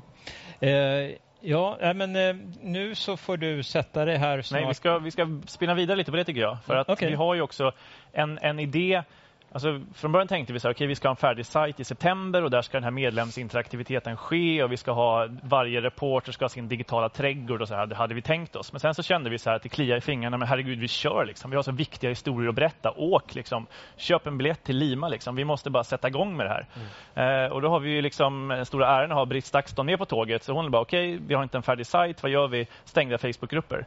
Och det kan väl ni prata lite mer om? Vad är Britt? Där, ja. Eh, för det var ju ett sånt där... Mm. eh, ja, när, när, när, när Britt kom med den idén så var det verkligen så här, eh, man bara yes, genius. så, så gör vi såklart. Eh, och berätta hur det var, Emanuel. Nej, det var... Jag fick dig till och med att ta en selfie, men där började Ja. jag passera en gräns. Ja, jag tyckte du pushade mig lite väl. men men alltså, jag, jag, det var ju väldigt kul med interaktion. Mm. Eh, för, och, och sen också berätta saker som kanske inte riktigt aldrig kommer hamna i reportaget. Men man kan berätta om det för att det är roliga sidospår som är fortfarande relevanta och intressanta om man ändå tittar på ett land som Peru. Ehm, så att det- jag, jag tyckte det, det funkade, funkade väldigt bra, men, eh, men det var kul och lärorikt till att börja med. Så. Ja. Ja. För det unika var ju också, um, um, berätta om det här med tidszonen och vad som faktiskt Ja. hände med tiden. Jo, men det var ju någonstans att man, man, vill, man blev ju lite beroende av den här interaktionen och man var ju lite så sugen på att se, men vad kommer folk tycka? Så att varje, det var ju det sju timmars eh, tidsskillnad, alltså det, man drar av sju timmar mot Stockholms eh, svensk tid. Ehm, så varje gång man, man gick och la sig så var det liksom nästan fem på morgonen eller sex på morgonen i Sverige. Så på natten kunde man vakna till och bara för att kolla så här, om det är någon som har börjat kommentera. Så kunde man så här, vakna till vid tre, fyra på morgonen och bara, ja men det är lugnt, alla är på liksom. Så kunde man gå och lägga sig igen. Men det här är ju fantastiskt och jag ser dig här, jag ser ju i dig när du berättar, man, man ser eh, Nils och Martin i mötet med medlemmarna. Det händer ju något spännande. Och, och när jag har blivit så här, mm, uppringd av journalister som har frågat om de här meetupsen, så se, frågar de, mm, men är redaktionen med? Liksom mötet mellan redaktionen och läsarna så här direkt i en återkommande process. Eh, eh, frågar man mycket om och är nyfiken på. Men är det någon av er som är här som har följt arbetet i Blankspot 1 eller 2 Facebookgrupperna? Ingen här? Ingen som vågar säga något? Det, när vi har haft möten i Stockholm har vi haft äran att möta dem och då har vi ju fått vittnesmål över den omsatta sidan, att de följde dig lika nyfiket och, och förväntansfullt. Eh, och, och, när- och när vi såg den här dialogen så tänkte vi mycket på det vi hörde, just den här reflektionen över att hur ska man komma tillbaka i människors vardag på samma sätt som när tidningen hamnar på dörrmattan. Och det kändes som att Ja. det, det åstadkom du på så här kort tid. Men eh, en liten hemlighet som jag tror ni kan nästan ta med alla journalister, om ni själva inte är journalister, så är det, jag skulle säga att alla så här mainstream eller stora väletablerade journalister är lite rädda för sina läsare. För att eh, man kommer alltid, när man träffar sina läsare i olika arenor, typ Almedalen och andra, så är det alltid efter en publicering. Och man, man, är, man är väldigt rädd för att få bakläxa. Bara, Hur kunde du missa det här stora? Men i och med att vi har integrerat dem i en väldigt tidig process så har man liksom hela tiden kunnat ta in läsarna och ja, folks synpunkter och få med det i ett reportage. Eh, och jag skulle säga att det är det som är faktiskt en fördel med att ha en väldigt öppen interaktion, att man kan ta in intryck och synpunkter från folk eh, och inte behöva vara rädd för sina läsare helt enkelt. Mm. Och du fick ju mycket tips också. på allt ifrån packning Mm. Eh, till, men också de här hejaropen. De var väldigt omsorgsfulla. Ja. De tyckte att du behövde inte bekymra dig om dem. Precis. Nej, men det, som, som alla, eh, alla arbeten och alla jobb så har man så här upp och nedgångar. Liksom. Och det, det är såklart, alla reportage har också liksom delar som är väldigt jobbiga. Vi hade också jobbiga delar såklart. Och då kunde man berätta det. Man hade liksom en ventil ehm, där man faktiskt kunde liksom vädra sina... Så här, varför är det jobbigt och vad är det som har gjort att det är jobbigt? Och när man då får bara så här, men strunt i oss, fokusera på, eh, fokusera på att hämta hem reportaget. Då kunde man känna sig, ja, men det, det är lugnt. För att det, det, det är faktiskt de här som har finansierat det här som tycker att det är helt okej att man fokuserar på det som är allra viktigast. Ja. Men vi fick ju det, det fantastiska att, att våga prö, pröva på det här sättet. Och det, det är ju att man, då fick vi också tips om Eh, ja men det här borde ju någon på redaktionen kunna sitta och tala om vart du åker. Att inte du skulle behöva lägga tid på att uppdatera var du geografiskt befann dig om det var så att du ville dela det. Man försöker liksom hjälpa till för att underlätta för dig att du ska ha tid att fokusera när du verkligen Mm. har ett guldkorn att berätta. Eh, men mm, jag måste ju poängtera att man, ibland är det så här härligt att ställa sig vid sidan av och då som mediestrateg så här, analysera alla dina Facebook-inlägg och se just den här, det som eh, Nils var inne på, att det är ett sånt sätt att synliggöra vad journalistik och hur kvalitetsjournalistik byggs, görs och vilken arbetsinsats som krävs, vilka intervjuer som fyller vilken funktion. Det är folkbildning i journalistik och det journalistiska hantverket. Och sen tror jag att jag menar, de flesta journalister är ju väldigt rädda för att dela med sig av hur processen går till för man tror ja men då kommer alla kunna göra det. Ja men det är väl jättebra att folk får en ökad kännedom om hur journalistik går till att producera. Eh, jag tror inte att någon förlorar på mer kunskap. Utan jag tror att det är öppenheten tjänar alla på. Eh, så. Ja, och det här är väl så här egenskaper som ni kommer behöva leta i hos medarbetarna för att det, det, det låter ju alldeles självklart. Men det är inte så självklart, Mm. tror jag. Så vi är väldigt, väldigt glada över att du var så modig. Ja. Eh, och till och med började med att lägga ut ditt, din packning. Ja, visst. Nej, men eh, i framtiden så är man så här, va, aha, kommer inte jag alltid kunna ha folk som följer mig i mitt arbete? man blir så lite beroende, för man bara, men vadå, ska jag bara skriva en artikel och sen är det klart? Det är ju ja. fantastiskt. Det här är ju blank spot-metod liksom. Ja, Men eh, vi måste ju Ja. då säga att vi har ju förmånen att ha två till journalister som, var- som i näst, när ni klev ut så var ni ju som så här frustande hästar på, på vårbete eller vi börja i den änden med dem? Vi Ni börjar kan väl komma upp änden. Carolina och. Martin Edström. Martin. Vad sa du? Okej, okej. Ja. Jag, jag Ja, tänkte så var att, det. Ja. Det var inte så jag tänkte riktigt. Jag tänkte att vi kunde prata Facebook med dem direkt. Men vi kanske...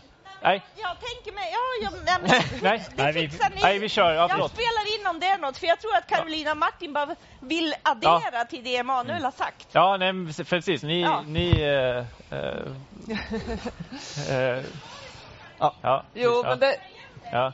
Jo men absolut och det är Ja. intressant det du säger Emanuel tycker jag med att det blir lite som ett beroende. Vi hade ju, vi var ju Det här är alltså Blank Spot 2 då? Som ja, är, vi var i norra Ja. Burma och rapporterade kring gruvindustrin där, guldgruveindustrin och ur aspekten kring konfliktmineraler. Eh, och vad det är. Men om man börjar i Facebook-delen av det hela då, så där vi var fanns det inget wifi, det fanns inget internet, utan vi hade med oss en liten satellitmodem som vi kopplade upp oss mot. Som tur var. Som, som tur var, annars hade vi inte kunnat göra en Nej. enda uppdatering. Och, eh, och det, jag märkte ofta så här på kvällarna på hotellrummet att det blev så att man satt så och skrev och skrev och skrev, vilket också blev en slags terapi och liksom ett sätt att gå igenom lite grann vad som, ja, vad man har sett och upplevt under dagen. Och, eh, och att, att jag ganska snabbt på morgonen, vi hade ju liksom tidsskillnad åt andra hållet, vi låg ju efter Sverige. Mm. Eh, Så att när jag vaknade på morgonen så hade ju folk redan då eh, kommenterat och man liksom direkt ville ställa upp den där lilla disken och liksom kolla igen. Och jo, men ventil är verkligen Ja, rätt ord. ja. Jag tänker på när, när vi plötsligt fick mitt på, vi skulle köra på en flotte mitt ute i vi var på väg genom djungeln i Burma där, till, eh, vi var tillbaka, på väg tillbaka hem, eh, ska på en liten flotte och så får vi plötsligt punka på vår stora jeep. Och bara, jaha, hur ska det här gå nu? Då bara, ah, ja, ta en bild och lägga upp det till gruppen. Nej men liksom, det var verkligen så. Så la vi upp det sen och bara, ja, och bara, ja där allt löstes ju. Men det var liksom, så ventil är verkligen rätt, ja. Det där fick jag många som hörde av sig och sa, men det är precis så där det är. Ja. Alltså, när, när liksom Jo, man reser. Och det det var glömmer man många berätta som... annars ja, liksom. jo, När vi ja, kommer ja. hem, jag kommer inte sitta tre veckor efter och säga, ja så fick vi punka och det var skitjobbigt. Nej. Men nu kunde vi berätta det i realtid liksom. Och det är Mm. ett perfekt sätt att kunna jobba på. Och det var många sådana små saker som man aldrig berättar tycker jag när man kommer hem. Som att eh, hela vårt reportage var i fara till exempel för att det mon, var mon, och är monsunregn i den delen av Burma just nu. Eh, Så att det var inte ens säkert att vi skulle kunna ta oss dit. Vi behövde ta oss på grund av de här stora regnen. Och det är också en sån sak som man aldrig kommer ta med i ett färdigt reportage. Men som var jätteskönt att sitta och skriva av sig sin nervositet kring de där hemska regnen som bara pågick och liksom dela med Facebookgruppen. Ja. Eh, och eh, ja, åka igenom, när vi plöjde igenom floder med bilen och den här fantastiska exakt. chauffören. Så liksom, ja, jag har jobbat i Afrika i jättemånga år och åkt på helt galna vägar, eller icke-vägar snarare. Men eh, vägarna vi åkte Ja. på var verkligen... Nej, det var ju nästan att vi flöt igen. Jag trodde var- inte ja. att, vi, Nej. att det skulle gå med... Och, och att liksom då kunna ta foton eller lägga upp små filmer och dela de här små detaljerna. Det, det är väldigt, väldigt kul. Ja, jag hoppas det gav mycket Mm. till er som var inne och, eh, de medlemmarna som kunde vara inne och kolla. För det, Ja, för det kan det gav mycket till oss. då för er som inte alls inte ens är medlemmar ännu. Ehm, det är ju att den här att få bli insläppt i de här stängda Facebookgrupperna som då heter eh, hashtag blankspot 1 och hashtag blankspot 2. Du blir bara insläppt i dem om du är medlem. Så det är en sån medlems eh, unik förmån då att få ha den här relationen och följa er process. Att få veta om våra punkteringar. Eller hur? Det var också väldigt så här, seriösa diskussioner. Ja. Det var det ju, som, Mm. precis som du hade med dina. Mm. Vi hade ju eh, flera gånger vi ställde frågor i gruppen. Liksom, hur, hur tänker ni kring det här? Nu har vi ställt inför ett problem. Hur, Mm. hur bör vi göra? Liksom? Och det fick vi jättebra svar och jättebra feedback. Så det var ju fantastiskt att ha medlemmarna med, liksom. verkligen i realtid. En liten sak till exempel som vi vacklade fram och tillbaka kring om hur man skulle göra var ju att vi har ju då följt, eh, vi har fokuserat på guld eh, men det är även jade i Burma som också är en annan konfliktmineral där. Eh, och, eh, och där vi följde liksom gulden från från gruvan som man liksom höll på att gräva ut och eh, hugga ner liksom den här väldigt värdefulla regnskogen för. Och, eh, så från sand till små guldstoff till kvicksilver till den lilla guldklimpen som sen kom fram. Och där vi liksom sa, men vänta, ska vi köpa den här guldklimpen och ta med den till Sverige? Eh, och kunna ha den på en utställning och visa att här har vi en liten bit konfliktmineral med alla de aspekter som är. Och egentligen behöver man inte det. Det här armbandet är med största sannolikhet också konfliktmineral. Eller den eh, paddan som jag liksom använder och skriver på när jag är ute i fältet. Är också konfliktmineral. Så egentligen, som väldigt många klokt påpekar i gruppen, behöver man inte köpa hem just den här faktiska guldklimpen, vilket vi till slut inte Nej, heller gjorde inte Men, men jag gillade tanken på att liksom ha med den och kunna hålla upp den och visa den. Och liksom, det Jo, finns vi något fick ju väldigt men, fysiskt det är många som håller med om det. Ja. Att det var intressant. Men ja, det, men annars hade det blivit som, jag menar, jag tänker på Expressens vapenköp. Alltså man Mm. köper vapen för att visa att det finns illegala vapen i Malmö till exempel. Mm. Och det blev ju också att man, man till slut eh, fälldes eh, för det. Liksom. Eh, men man fick en debatt om kan journalister göra så eller inte. Nu hade vi på något sätt den diskussionen och de, de, de lärdomarna i och för sig i, i gruppen men, men ändå utan Mm. att eh, ni faktiskt köpte den där guldklimpen. Men man, man lyfte ju den, den, den problematiken eh, ändå verkligen. Ja. Jo, och det löste ju ett rent praktiskt problem för oss. För vi visste, vi visste inte hur vi skulle tänka här. Liksom, Mm. Kan vi göra det? Eller blir det problematiskt? Bör vi eller ska vi inte? Mm. Och så diskuterade vi igenom det med, med er och med de här medlemmarna och kunde ta ett mycket bättre beslut. Som, För vi diskuterade igenom det med flera. Liksom. Det var jättevärdefullt. Ska vi innan ni faktiskt berättar ännu mer Ja. om ert Mm. reportage, ska vi se, finns någon publikfråga kopplat till just den här eh, interaktionen med någon som har en fråga eller nyfikenhet på något? Ja. Fanns det några nackdelar med den här direktrapporteringen? Jo, men jag, eh, vid ett tillfälle, det kan ju liksom dra här på det här sättet men jag vill inte att det skulle liksom va, va, finnas på nätet. Men man blev, jag kände att man blev sådär, lite grann, man ville berätta allting. Alla de här små galna situationerna man hamnar i hela tiden. Att liksom, det var så roligt att skriva.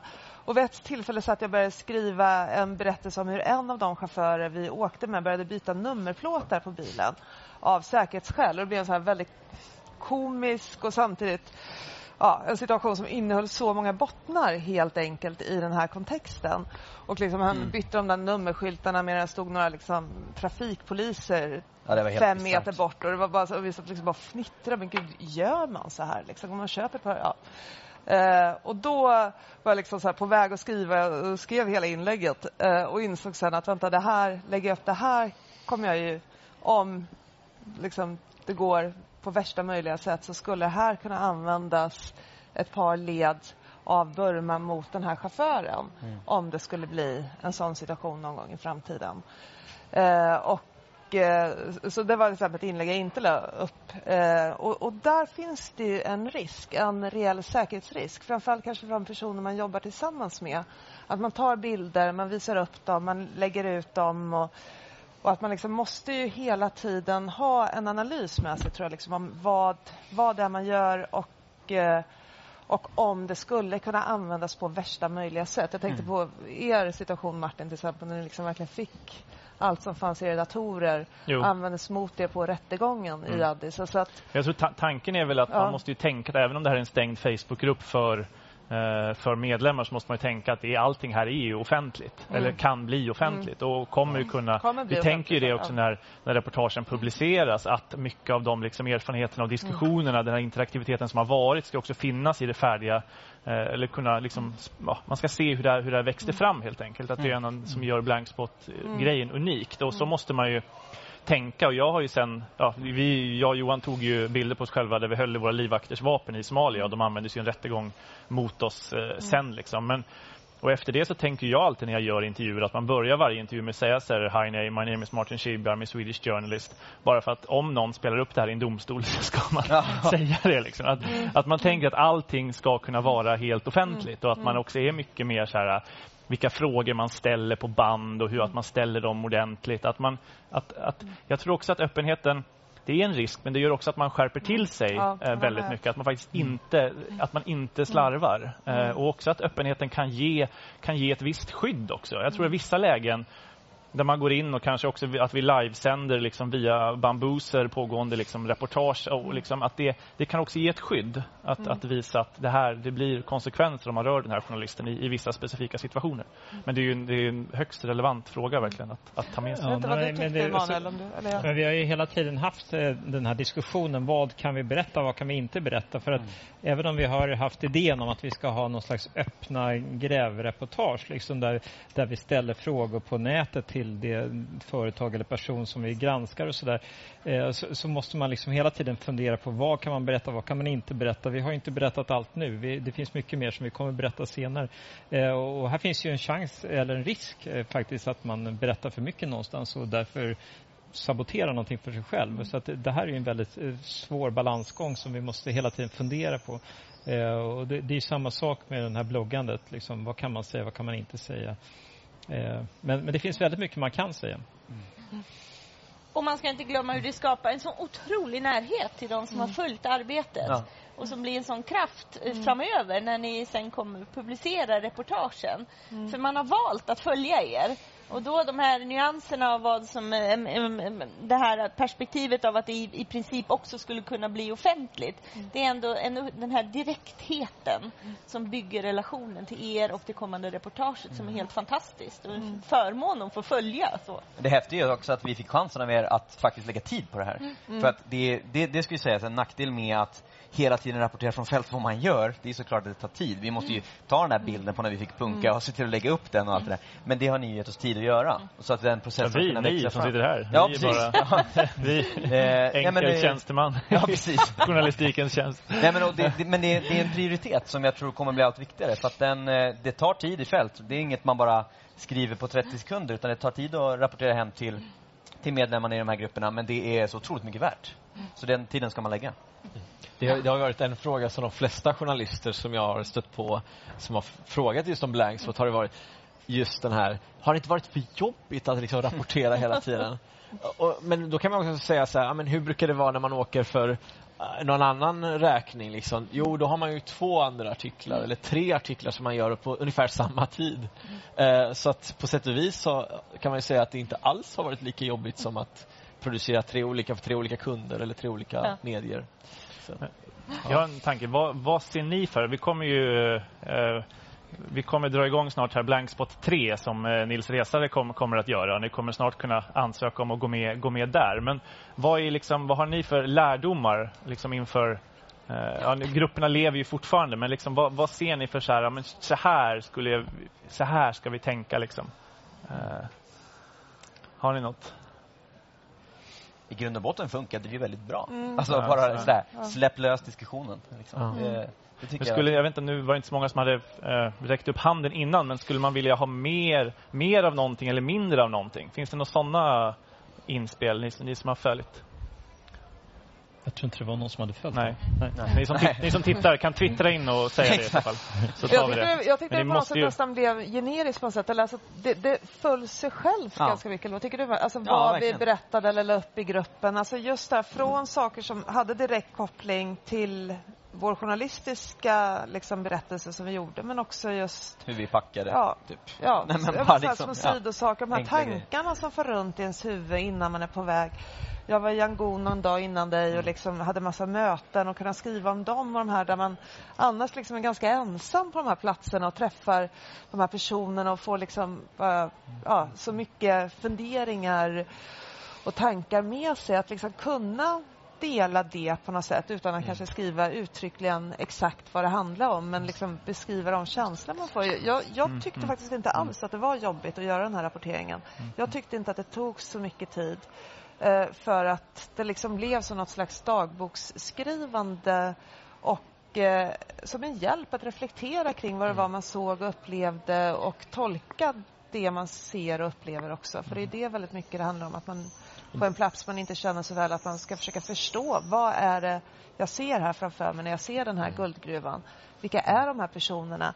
Vad är det för vad är det i den här bilden som är intressant eller som, kom, som berättar någonting som är kopplat till min mobil eller till armbandet från designtorget eller vad det nu må vara.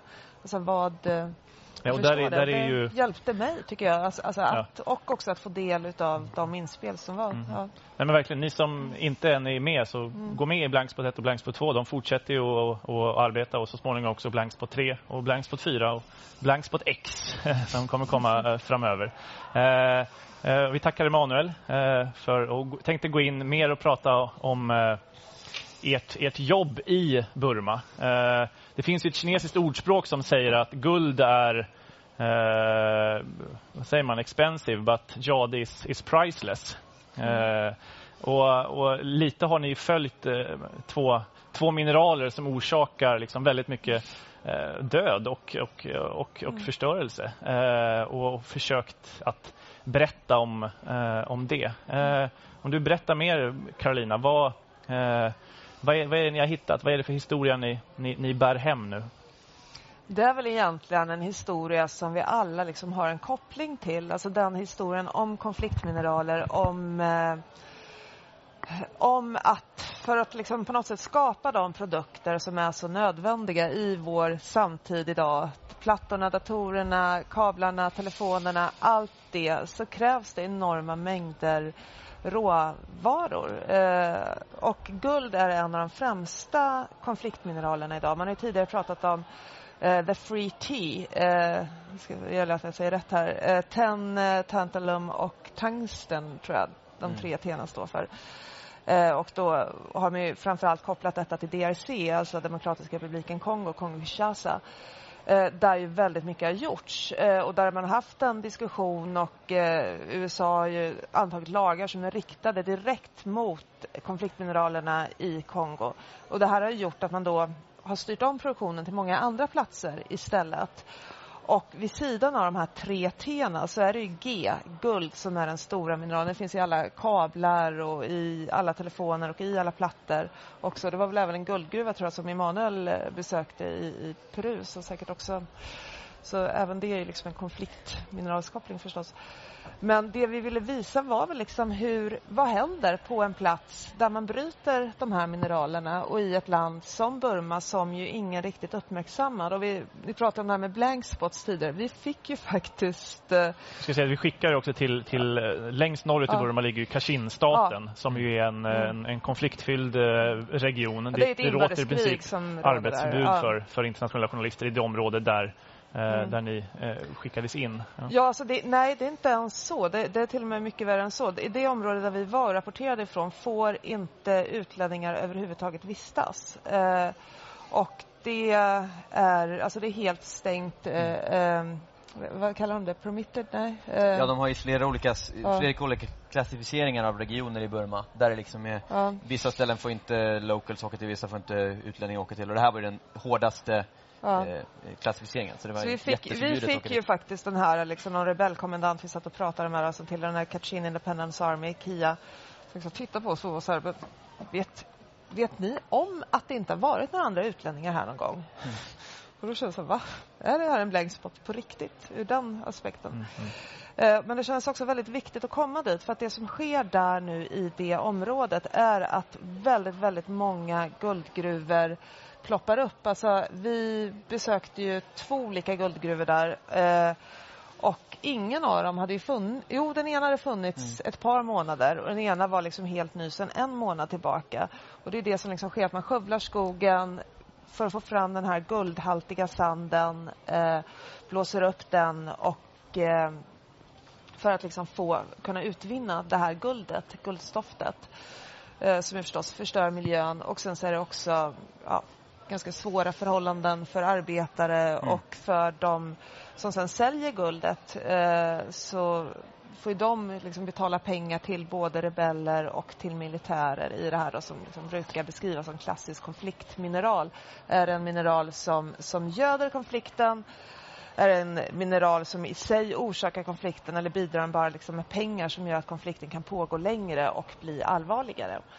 Och i de här fallen, när det gäller just den här, i Kachinstaten i Burma, och när det gäller jade och guld där, så, så är väl liksom slutsatsen, vilket även kommer komma i en rapport av Global Witness tror jag här om någon månad, att, att konflikten i Kachinstaten är på grund av mineralerna. Det är den som liksom har skapat konflikten på samma sätt som diamanter var en väldigt liksom, brinnande orsak till, till kriget i Sierra Leone. Alltså att det här är en direktkoppling däremellan. Sen är det inte ett lika blodigt krig som det är i Sierra Leone. Men Ni har verkligen varit liksom mikro, mikro, mikro. Ni har Mm. fokuserat på en familj och följt en kvinna och, och så där. Det kommer Mm. komma i, i det färdiga reportaget. Men det finns ju också ett, ett makro. Jag menar, Burma har ju varit ett stängt land, eh, regerat av en militärjunta som sen släppte loss Aung San Suu Kyi och eh, höll öppna val. Och plötsligt så, så är det liksom fritt fram på investeringar. Och förra året så hade Business Sweden en delegation dit och, och, och så där. Hur mycket av, av, av storpolitiken kände ni eh, när, när, när ni gjorde det här jobbet?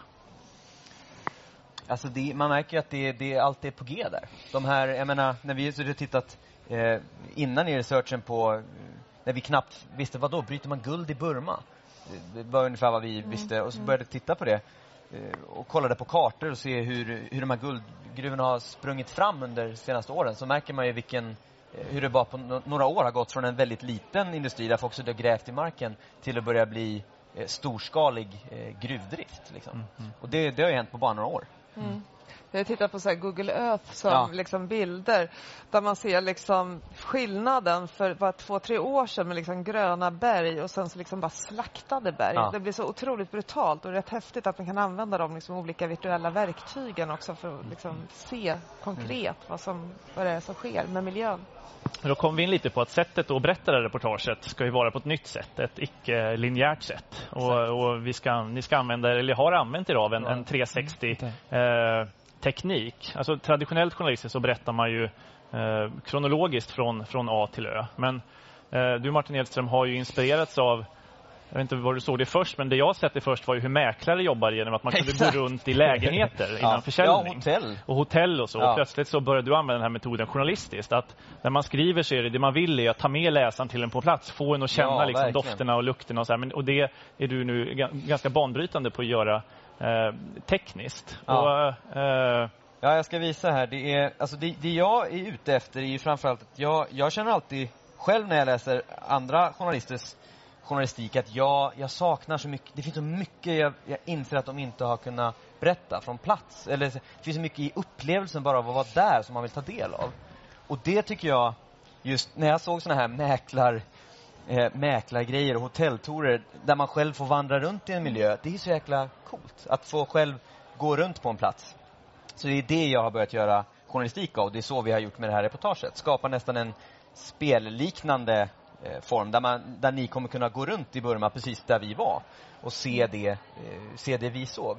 För, Det här är väl det första interaktiva reportaget? Ja, i, ja, i, ja Sverige. verkligen. I, ja, i Sverige på, i, på det sättet vi gör, där man nu kommer kunna titta på dem i såna här VR-glasögon också. ta, det- ta det lite step by step. Hur kommer man kunna uppleva det här Ja, reportaget? det, det, fin, det finns flera sätt. Det, Ja. det är lite så här overwhelming, det är svårt att berätta det i ord. Det är därför jag ska visa det här. Det är, eh, om man tittar på det på mobilen eller på en platta, då är det helt enkelt en... eh, Du kan säga att det ligger en teaser uppe på länken eh, Precis, det är en länk vi borde på... Det kommer en länk snart på det tvn. Den ligger här, den ligger här bak. Tittar man på det här reportaget i en mobil eller på en Ja. platta så eh, kan man hålla upp den och titta sig runt omkring i en miljö för att vi har fotat den i 360 grader.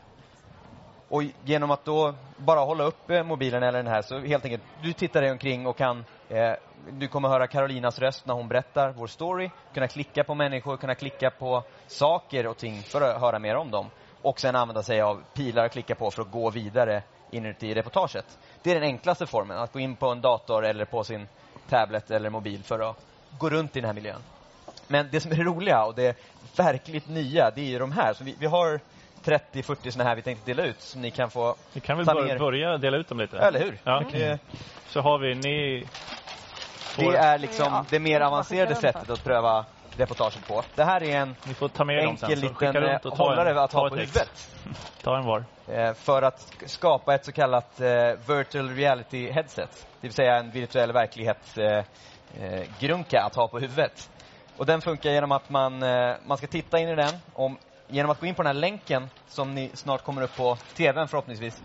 Eh, och stänga in mobilen här så får man ett headset där man kan titta sig omkring i den här virtuella miljön vi har gjort. Så det vi vill uppnå med det här är att ni kan ta det på, sätta den här på huvudet, plugga i hörlurarna och så gå runt i Burma precis som vi gjorde på plats och möta de människor vi mötte och höra vår story så. Här är länken. Länken eh, alltså. vr.blankspotproject.se Och där ligger just nu bara en, en trailer så att det här är bara, det är bara några få bilder här ni kan gå runt ibland.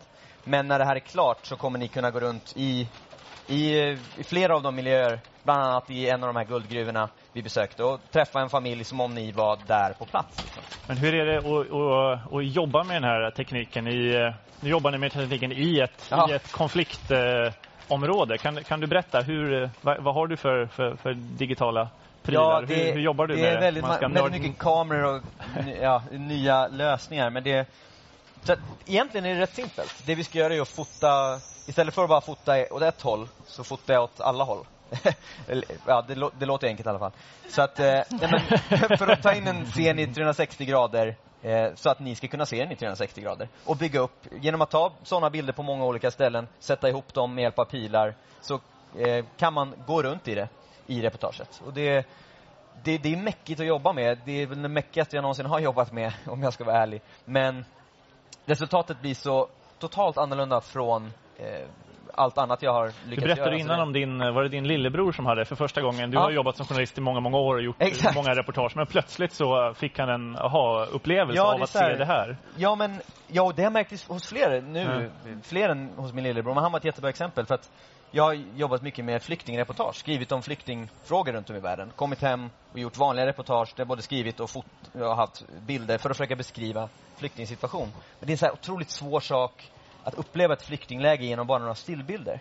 Så då skapade jag ett sånt här interaktivt reportage. En prototyp av ett sånt från flyktinglägret.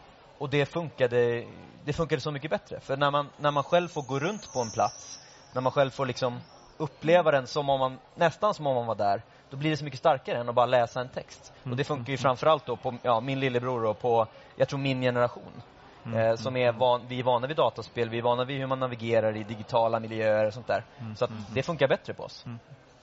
Karolina, du är ju en liksom, mångårig radiojournalist och jobbat med etermedier och med ljud eh, liksom, väldigt, väldigt mycket. Hur, hur, hur var det för dig att tänka en liksom, icke-linjär berättelse? Jag håller fortfarande på att försöka förstå hur man ska tänka. Så att jag, är liksom... Jag med. Jag med. Det är inte lätt. Men det är, alltså det är jättefascinerande. Det är lite som med det här som vi pratade om med Facebook-rapporteringen, att man helt plötsligt berättar en massa andra små detaljer som man annars aldrig skulle berätta.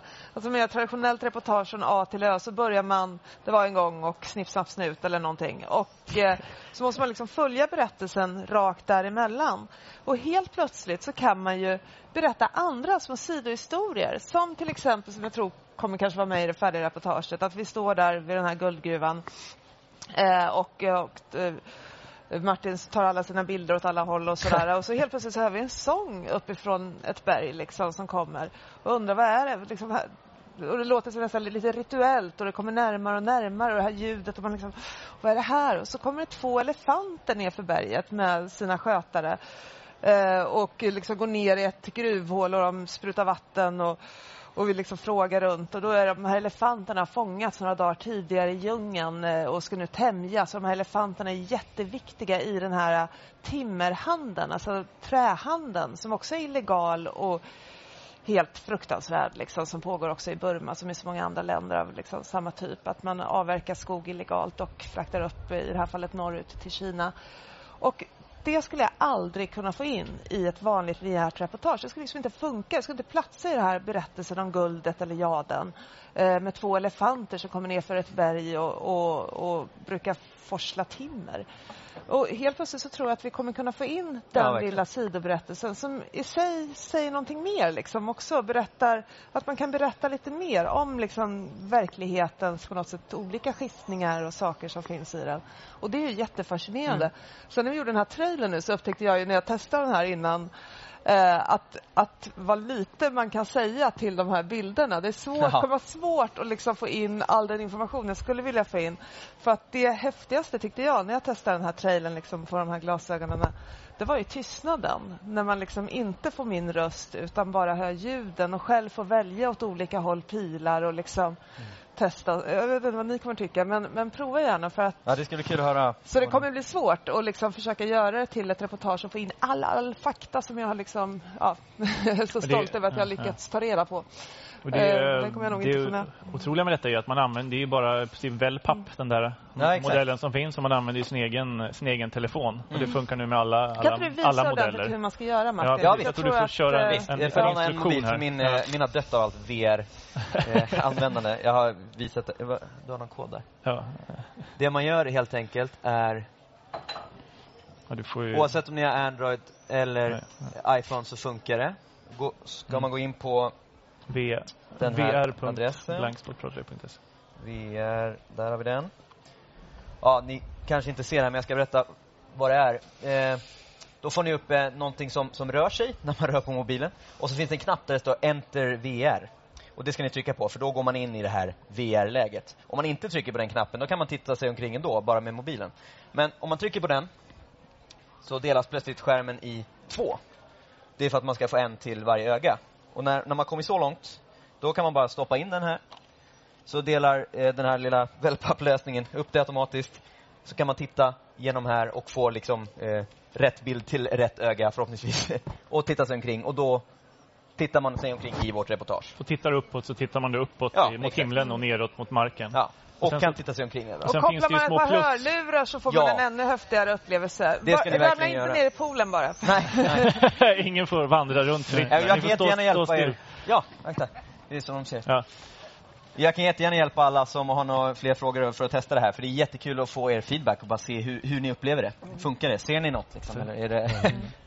Ja. Nej, men, och det här är verkligen, jag kan känna att det här är liksom i början av av någonting. Det här är också en Mm. läroprocess Ja, och vi vill ha er input. det Hur, hur, hur funkar det här liksom? Och vad, vad, hur kommer journalistiken se ut framöver? Är, är det här framtidens eh, journalistik?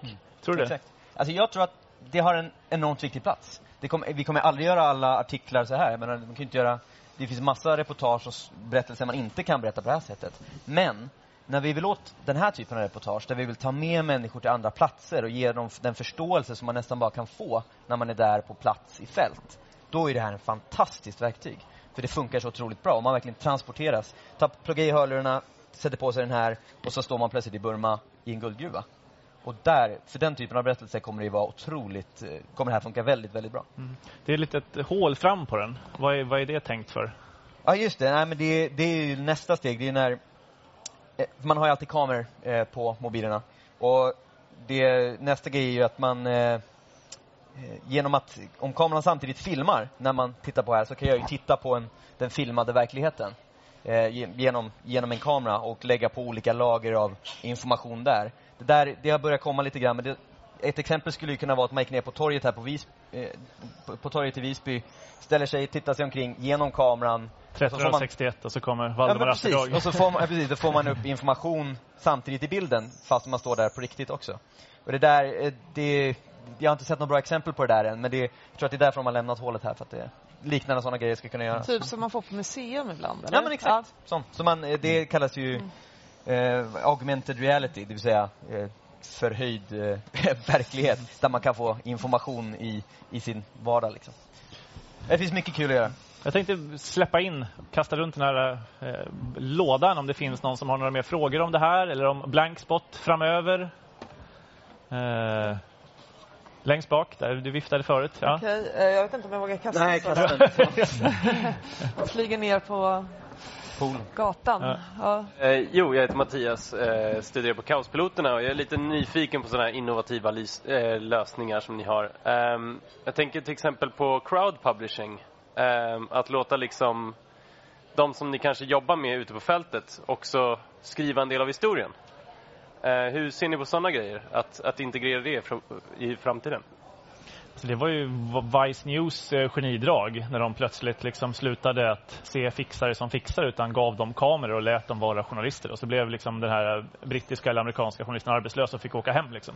Att det, och det är ju verkligen en, eh, eh, en, en, en, en bra liksom, modell om man hittar de, liksom, de journalisterna som kan, kan leverera innehåll. Och vi har ju ett, ett sätt att jobba med det, är att vi, något som vi inte använt så mycket med de två första reportagen, men som vi kommer jobba med nu i på 3 och 4 är ju att alltså livesända via, via bambuser från fältet.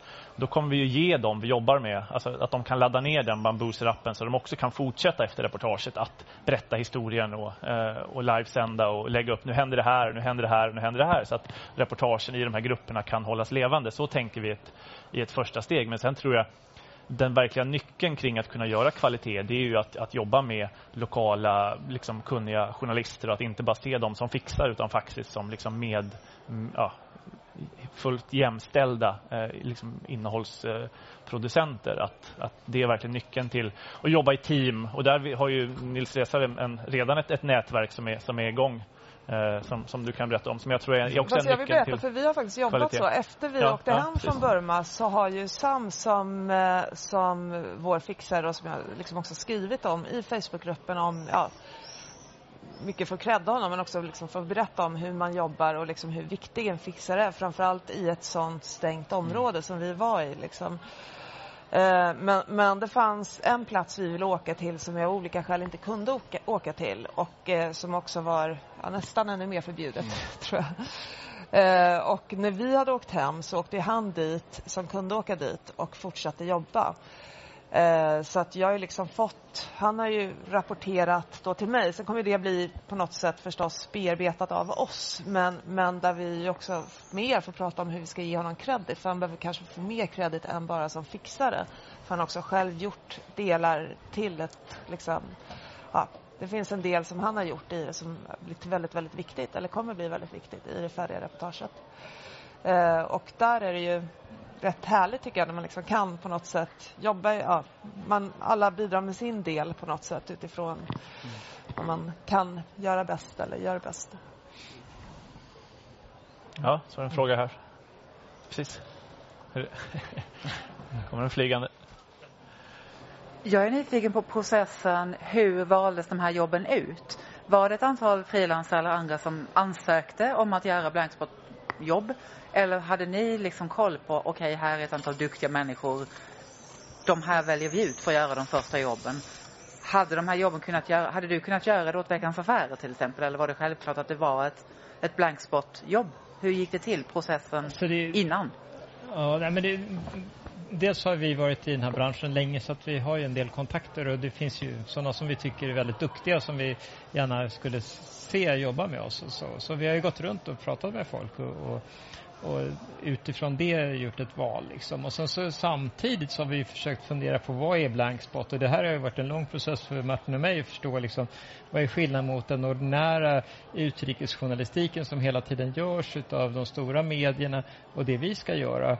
Eh, och eh, vi är ju inte helt färdiga med det än, det kommer vi fundera på länge. Men, men, liksom, men det, det känns ju som att vi, ska göra, försöka ta vidare de andra, eh, där de andra brister kanske. De andra gör ju liksom de nödvändiga rapporteringarna liksom i konflikter och katastrofer och sådär. Och det, det kommer inte vi kunna konkurrera med, det finns inte på kartan. Men, men vi ska försöka ta de här andra delarna som vi tycker att de missar då. Nej, men, ja, vi, de som var aktiva i kampanjen är lite de som nu gör jobb. Alltså Emanuel och Martin och Karolina var ju alla aktiva i att liksom samla ihop den här miljonen. Liksom. Så även om vi var ett antal initiativtagare så var vi ju liksom ett, ett större nätverk med människor i branschen som, som såg behovet av en sån här ny plattform för utrikesjournalistik digital. Eh, och I det nätverket finns ju flera som vi försöker hitta och skräddarsy jobb eh, till framöver. Liksom.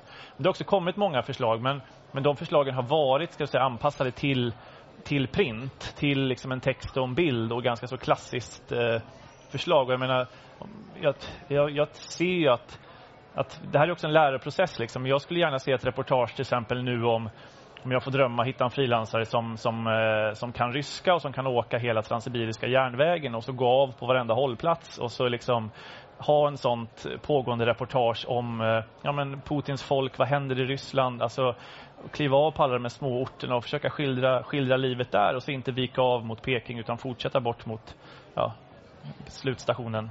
Eh, alltså, ja precis. Och den, eh, men jag menar den Eh, Eh, de, men så tänker ju inte frilansare idag, att man pitchar en sån idé. Liksom. Jag vill hålla på med det här i ett halvår.